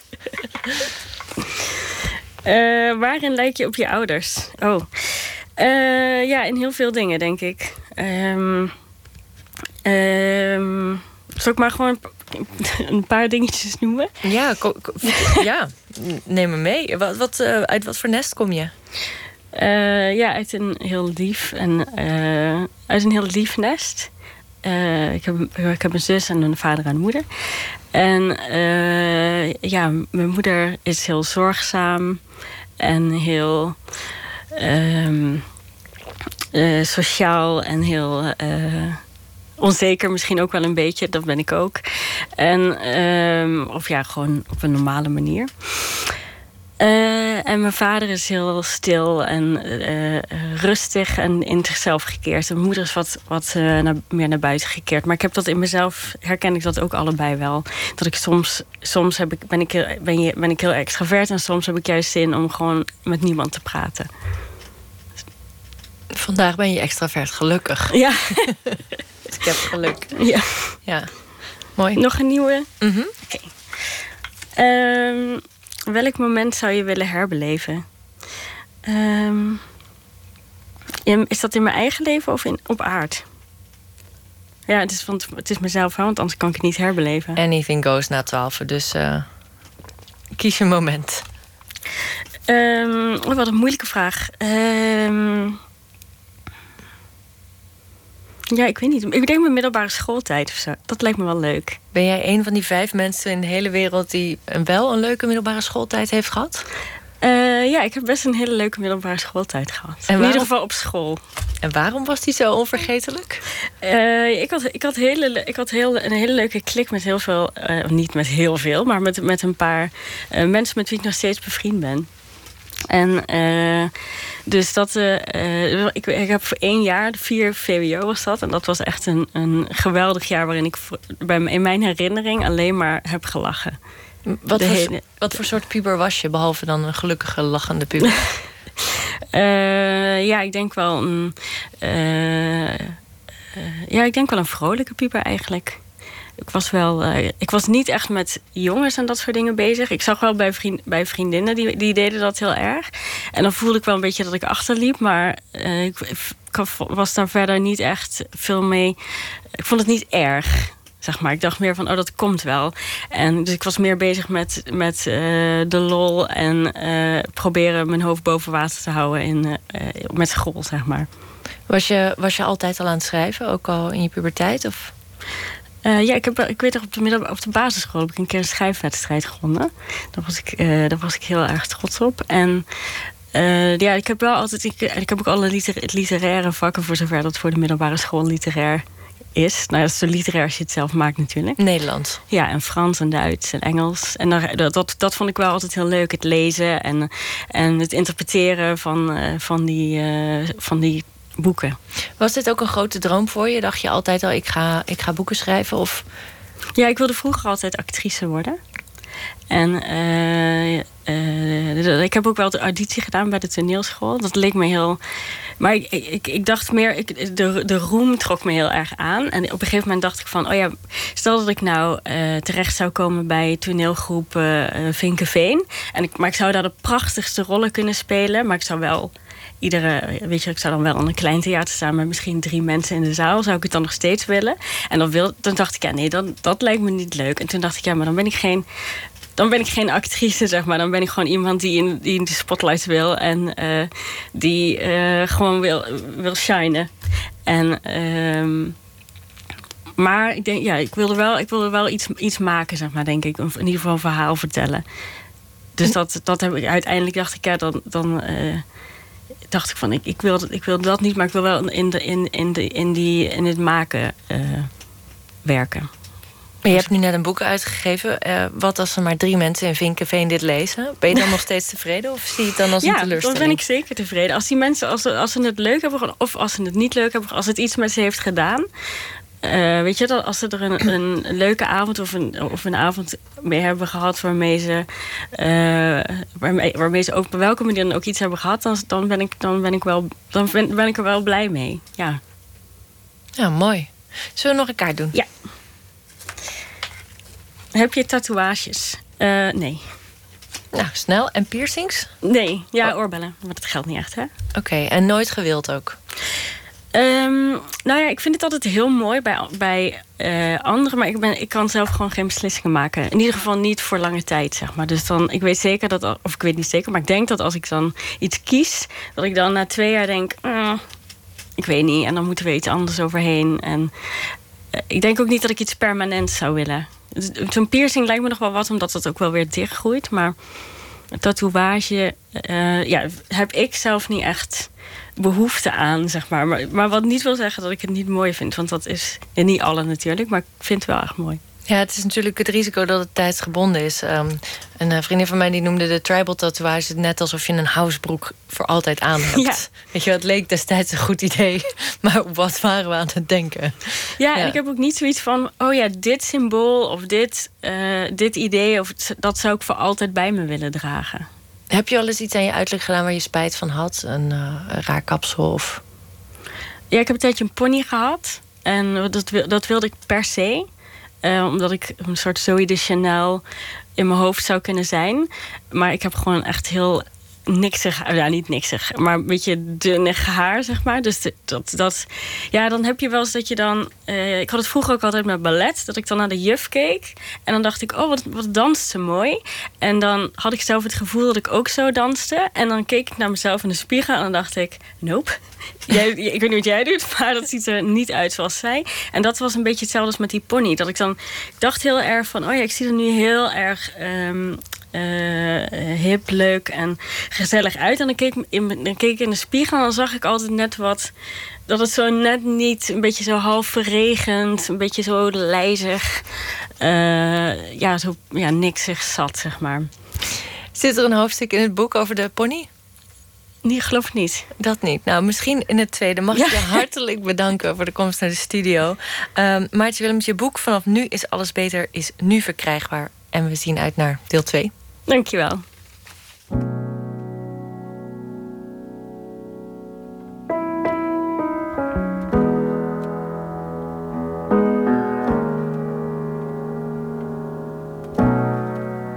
Think what you want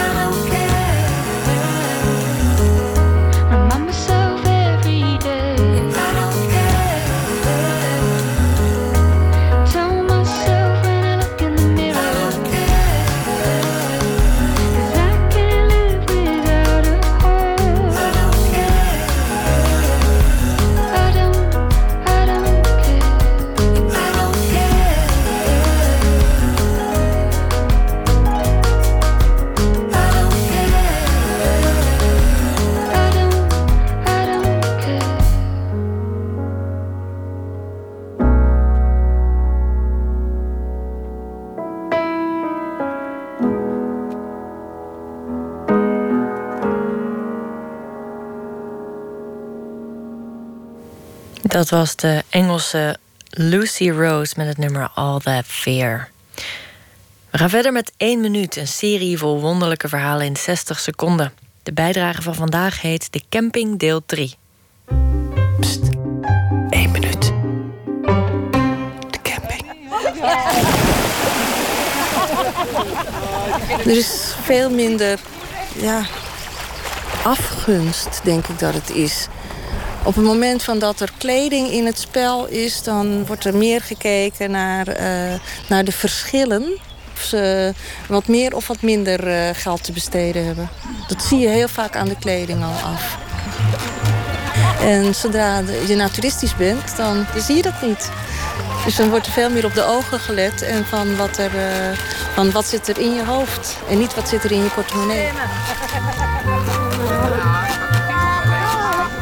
Het grootste nadeel aan naakt zijn, dat zijn uh, um, de kruisenruikers. Ja, sommige honden die hebben dat nou eenmaal. Die gaan aan kruisen ruiken. En dat wil je niet hebben op een naturistenterrein.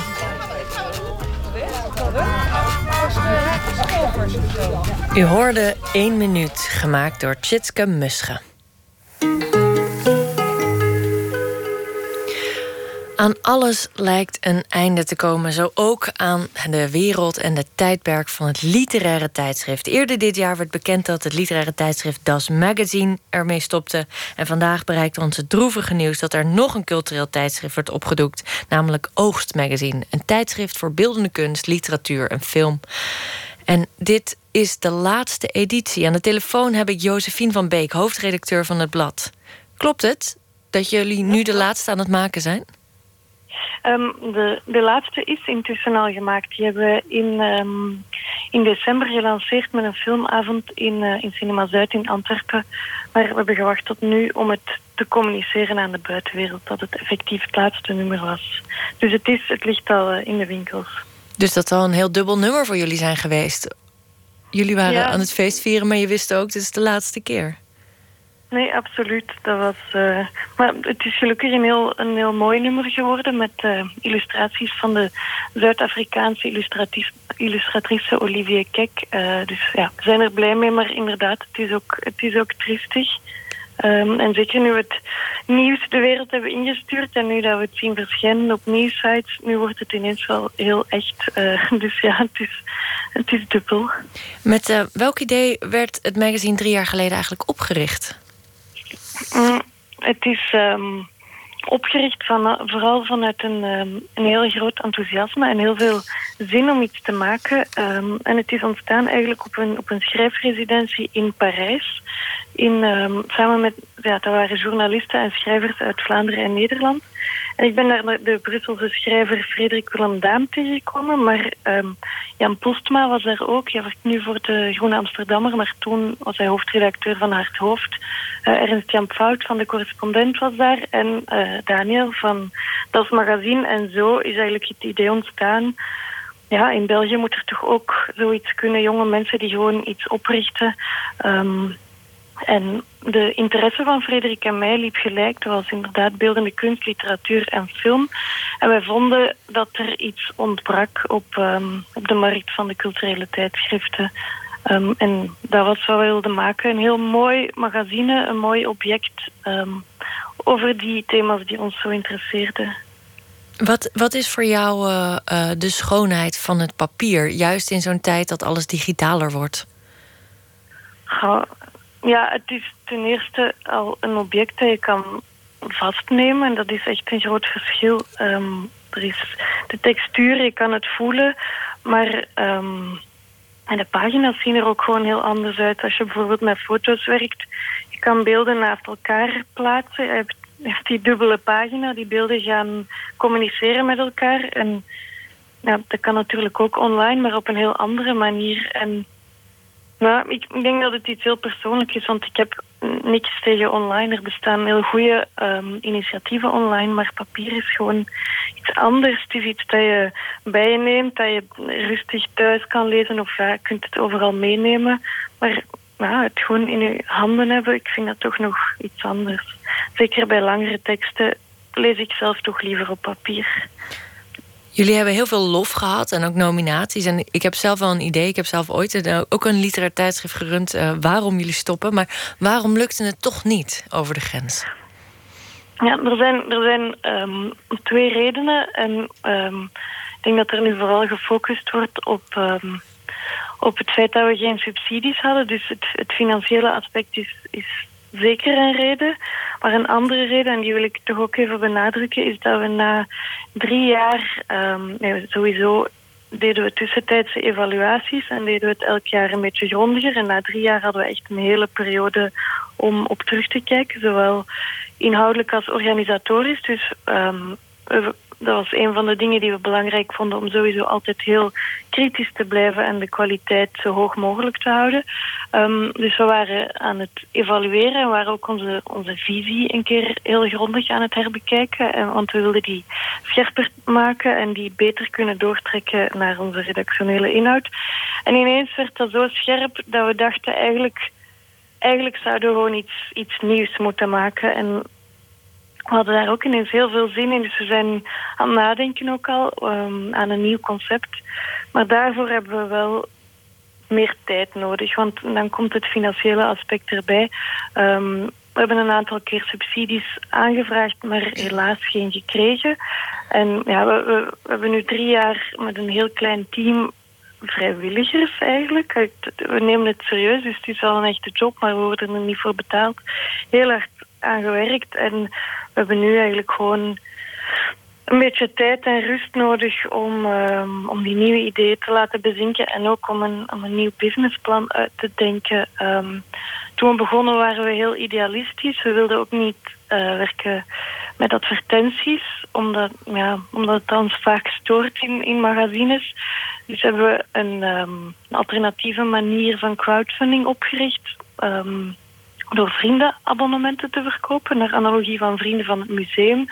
Um, en die kregen dan kunstwerken bij, gelimiteerde en gesigneerde edities van kunstwerken, onder andere van Rinus van de Velde en van Luc Tuymans. Uh, en dat was eigenlijk ons startbudget. Maar omdat kunstverkopen toch ook nog iets helemaal anders is dan een magazine verkopen, zijn die nog niet allemaal verkocht. En dat is wat we nu in 2018 ook gaan doen. De kunstedities die we nog over hebben, daar gaan we nu actief op inzetten dit jaar om die verkocht te krijgen. Um, en toch zo terug een uh, startkapitaal bij elkaar te kunnen krijgen. En waar uh, kunnen maar... liefhebbers van het tijdschrift of uh, geïnteresseerden die nu luisteren, die, die kunstwerken bezien en bemachtigen? Wel, ze zijn um, de afbeeldingen en de informatie uh, zijn op onze website te zien. Dat is www.oogstmagazine.com. Maar we organiseren ook in maart een tentoonstelling waar die kunstwerken te zien zullen zijn. Um, we gaan nog meer dan, dan enkel die edities tonen ook. We gaan eigenlijk een selectie tonen van alle kunst die de afgelopen drie jaar voor oogst gemaakt zijn. Dus daar zitten ook originele illustraties bij. Um, daar zitten foto's bij van schrijvers en kunstenaars. Um, daar zitten kunstwerken bij van mensen die we geïnterviewd hebben. Dus er wordt een, um, een mix van verschillende dingen. Dus daar kan je de kunstwerken live zien. En daar kan je ze ook kopen. Maar je kan ze ook via onze website kopen. Maar dus als je ze wil zien, um, kan dat uh, tussen 21 en 25 maart in Galerie Verbeek van Dijk in Antwerpen. Nou, dat lijkt me een mooie reden om de trein te pakken en even langs te gaan. Um, ik wil je heel erg bedanken om even uh, met me te hebben gesproken, Josephine. En heel veel succes in de toekomst met uh, nieuwe plannen en hopelijk nieuwe tijdschriften. Dankjewel. Gizmo Varias. Dat klinkt Spaans en dat is hij ook. Uit Santander komt deze singer-songwriter die tegenwoordig in Londen woont. Dreaming of Better Days heet zijn nieuwe album. En daarvan is dit Losing You.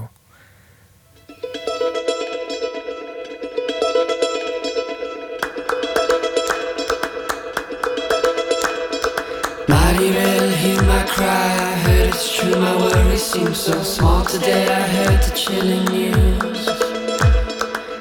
Maribel, my thoughts go out to you and all the mothers who lose their loved ones in the violence too. It's the thought of losing you.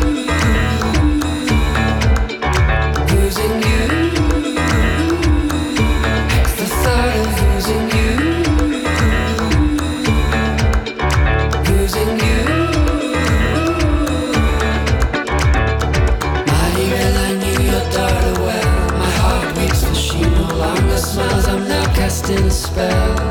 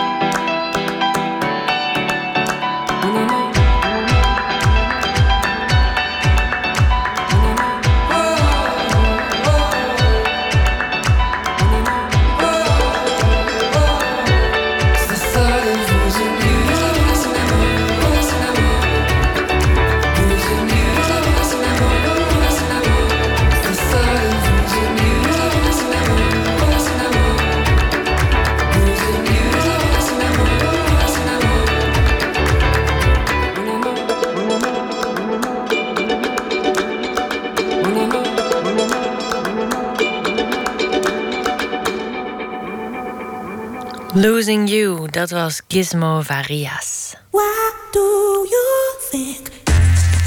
Eén ster, kom op, twee sterren. Vier. Nee, ik vond het echt maar één ster. Helemaal niks. Eén ster. Eén echt ster. niet, vier sterren. Oh nee joh, vijf. Twee sterren. Dave Eggers. Hij brak door met Wat is de Wat? Schreef ook de dystopische roman De Cirkel. Een hologram voor de koning en helden van de grens. Altijd zijn zijn boeken uh, maatschappelijk geëngageerd... en heeft hij ook heel wat non-fictie inmiddels op zijn naam staan. Zoals het eerder verschenen boek Zaitoon... over een Syrische Amerikaan die na orkaan Katrina... met een kano door New Orleans peddelt. Je krijgt het bijna niet verzonnen. Nee. Dat nee. was echt non-fictie dus? Ja. Oh. Nou, en vorige maand verscheen zijn nieuwe boek. De Monnik van Mokka. Dat allitereert lekker. En uh, de meningen zijn uh, de, lekker sappig en verdeeld. En uh, dat is altijd interessant voor deze rubriek.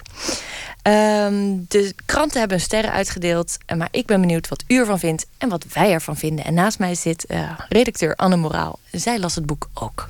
Ja, dat klopt. Anne, hoe was je leeservaring?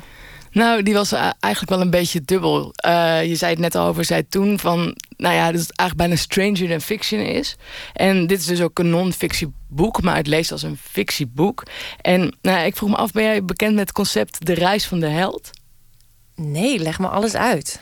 Nou, ik zal het even kort houden, want het is natuurlijk het is een heel lang boek van Joseph Campbell... waarin hij dus de reis van de held introduceert. En dat is eigenlijk, heeft hij een soort structuur... ziet hij in wat mensen al eeuwenlang uh, gebruiken in verhalen vertellen. Dus eigenlijk al bij die eeuwenoude mythen en zagen... bijvoorbeeld uit uh, de Griekse mythologie...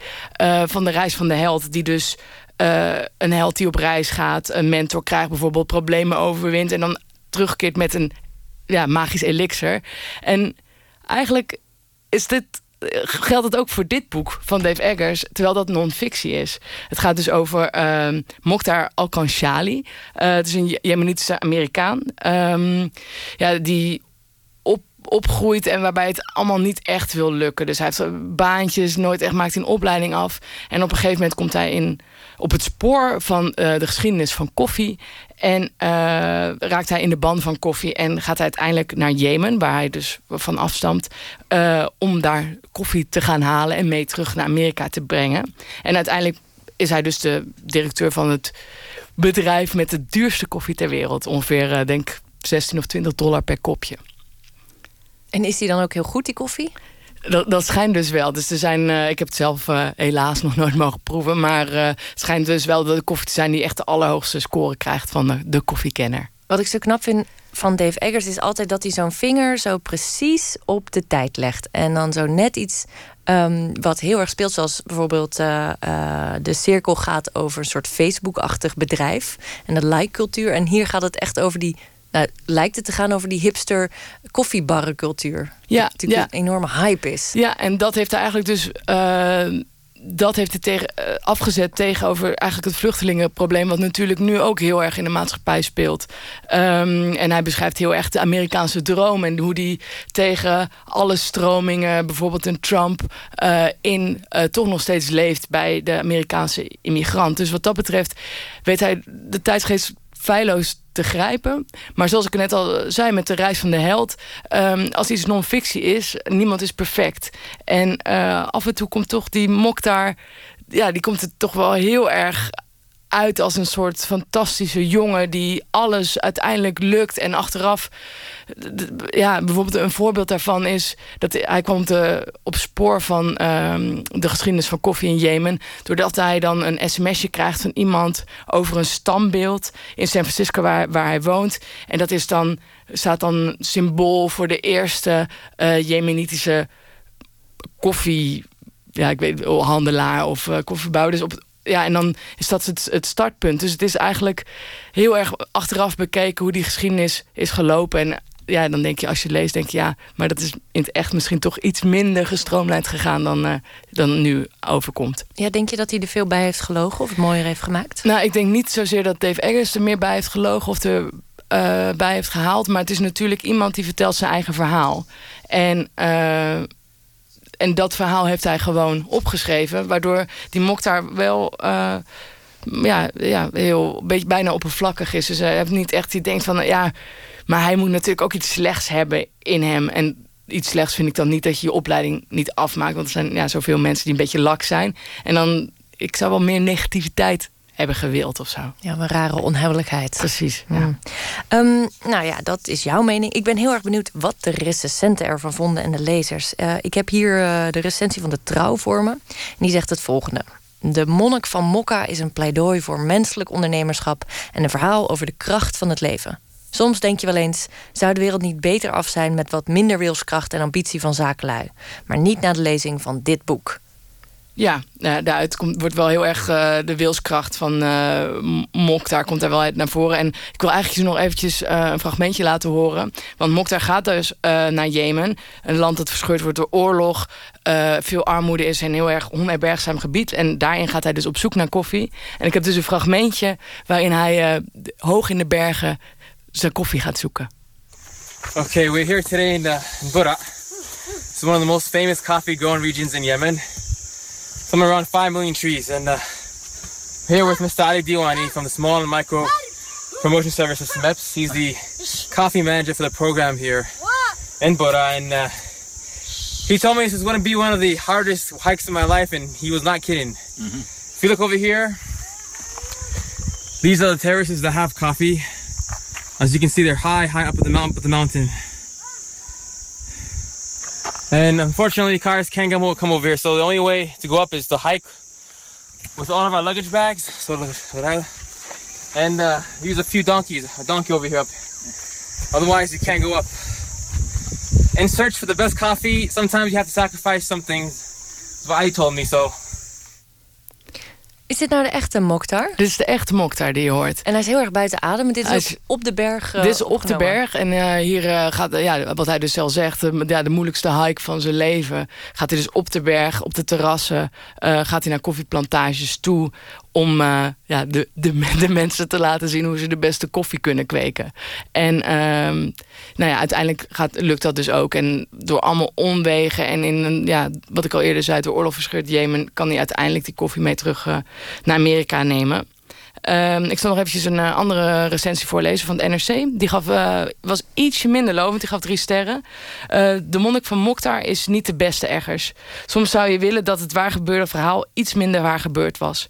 In de briljante scènes die er ook zijn... zie je wat er, aan, wat er zou gebeuren als Dave Eggers zich echt had laten gaan. Zijn fantasie wat meer de vrije loop had gelaten. Hopelijk is zijn volgende boek weer een roman. Dus daar zie je al dat ja, non-fictie niet altijd als fictie zou kunnen lezen. Hmm. Ik vraag me ook af, krijgt die uh, Mokhtar nou eigenlijk een, een, deel van de opbrengst van dit boek?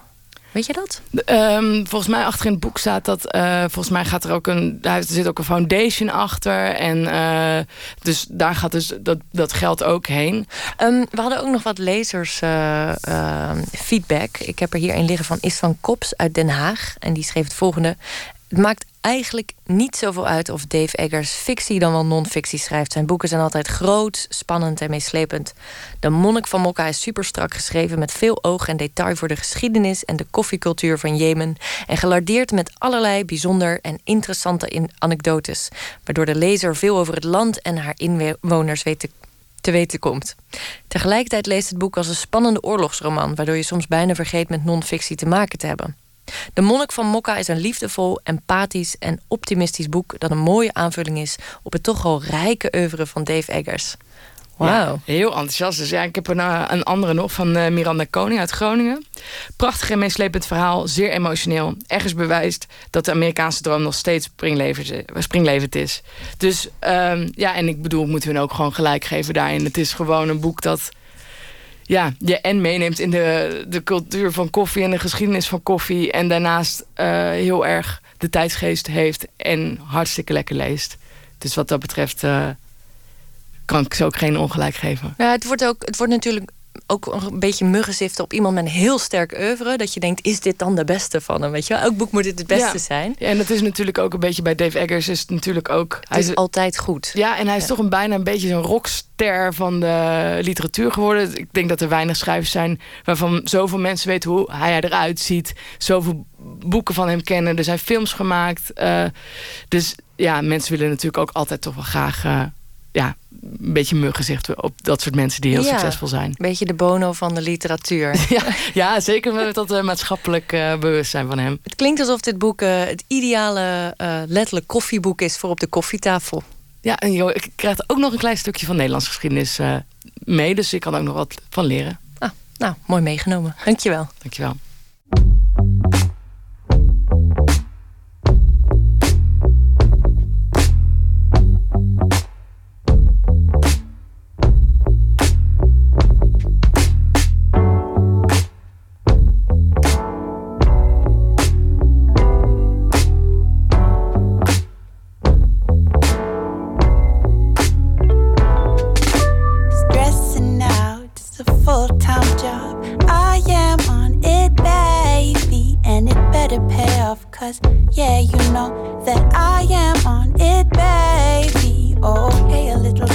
Little cursed, little blessed. I am on it, baby. My soul's all in this, I don't care about the rest. I am on it, baby. 25 hours a day. I'll be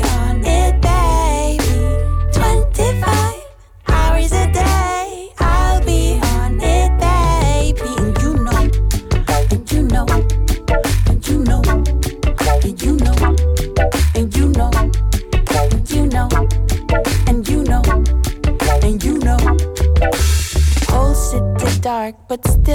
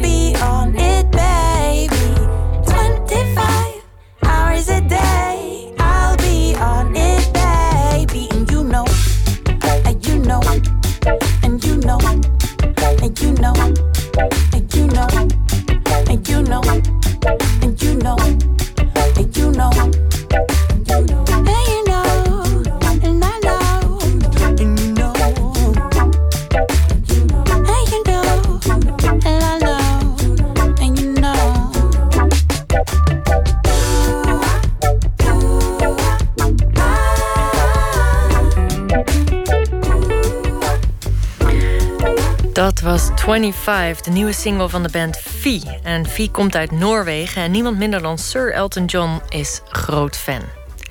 Morgen gaat Hanneke Groenteman met Renny Ramakers in gesprek. Ze is medeoprichter en creative director van Droog, het designlabel dat bekend staat om zijn designklassiekers.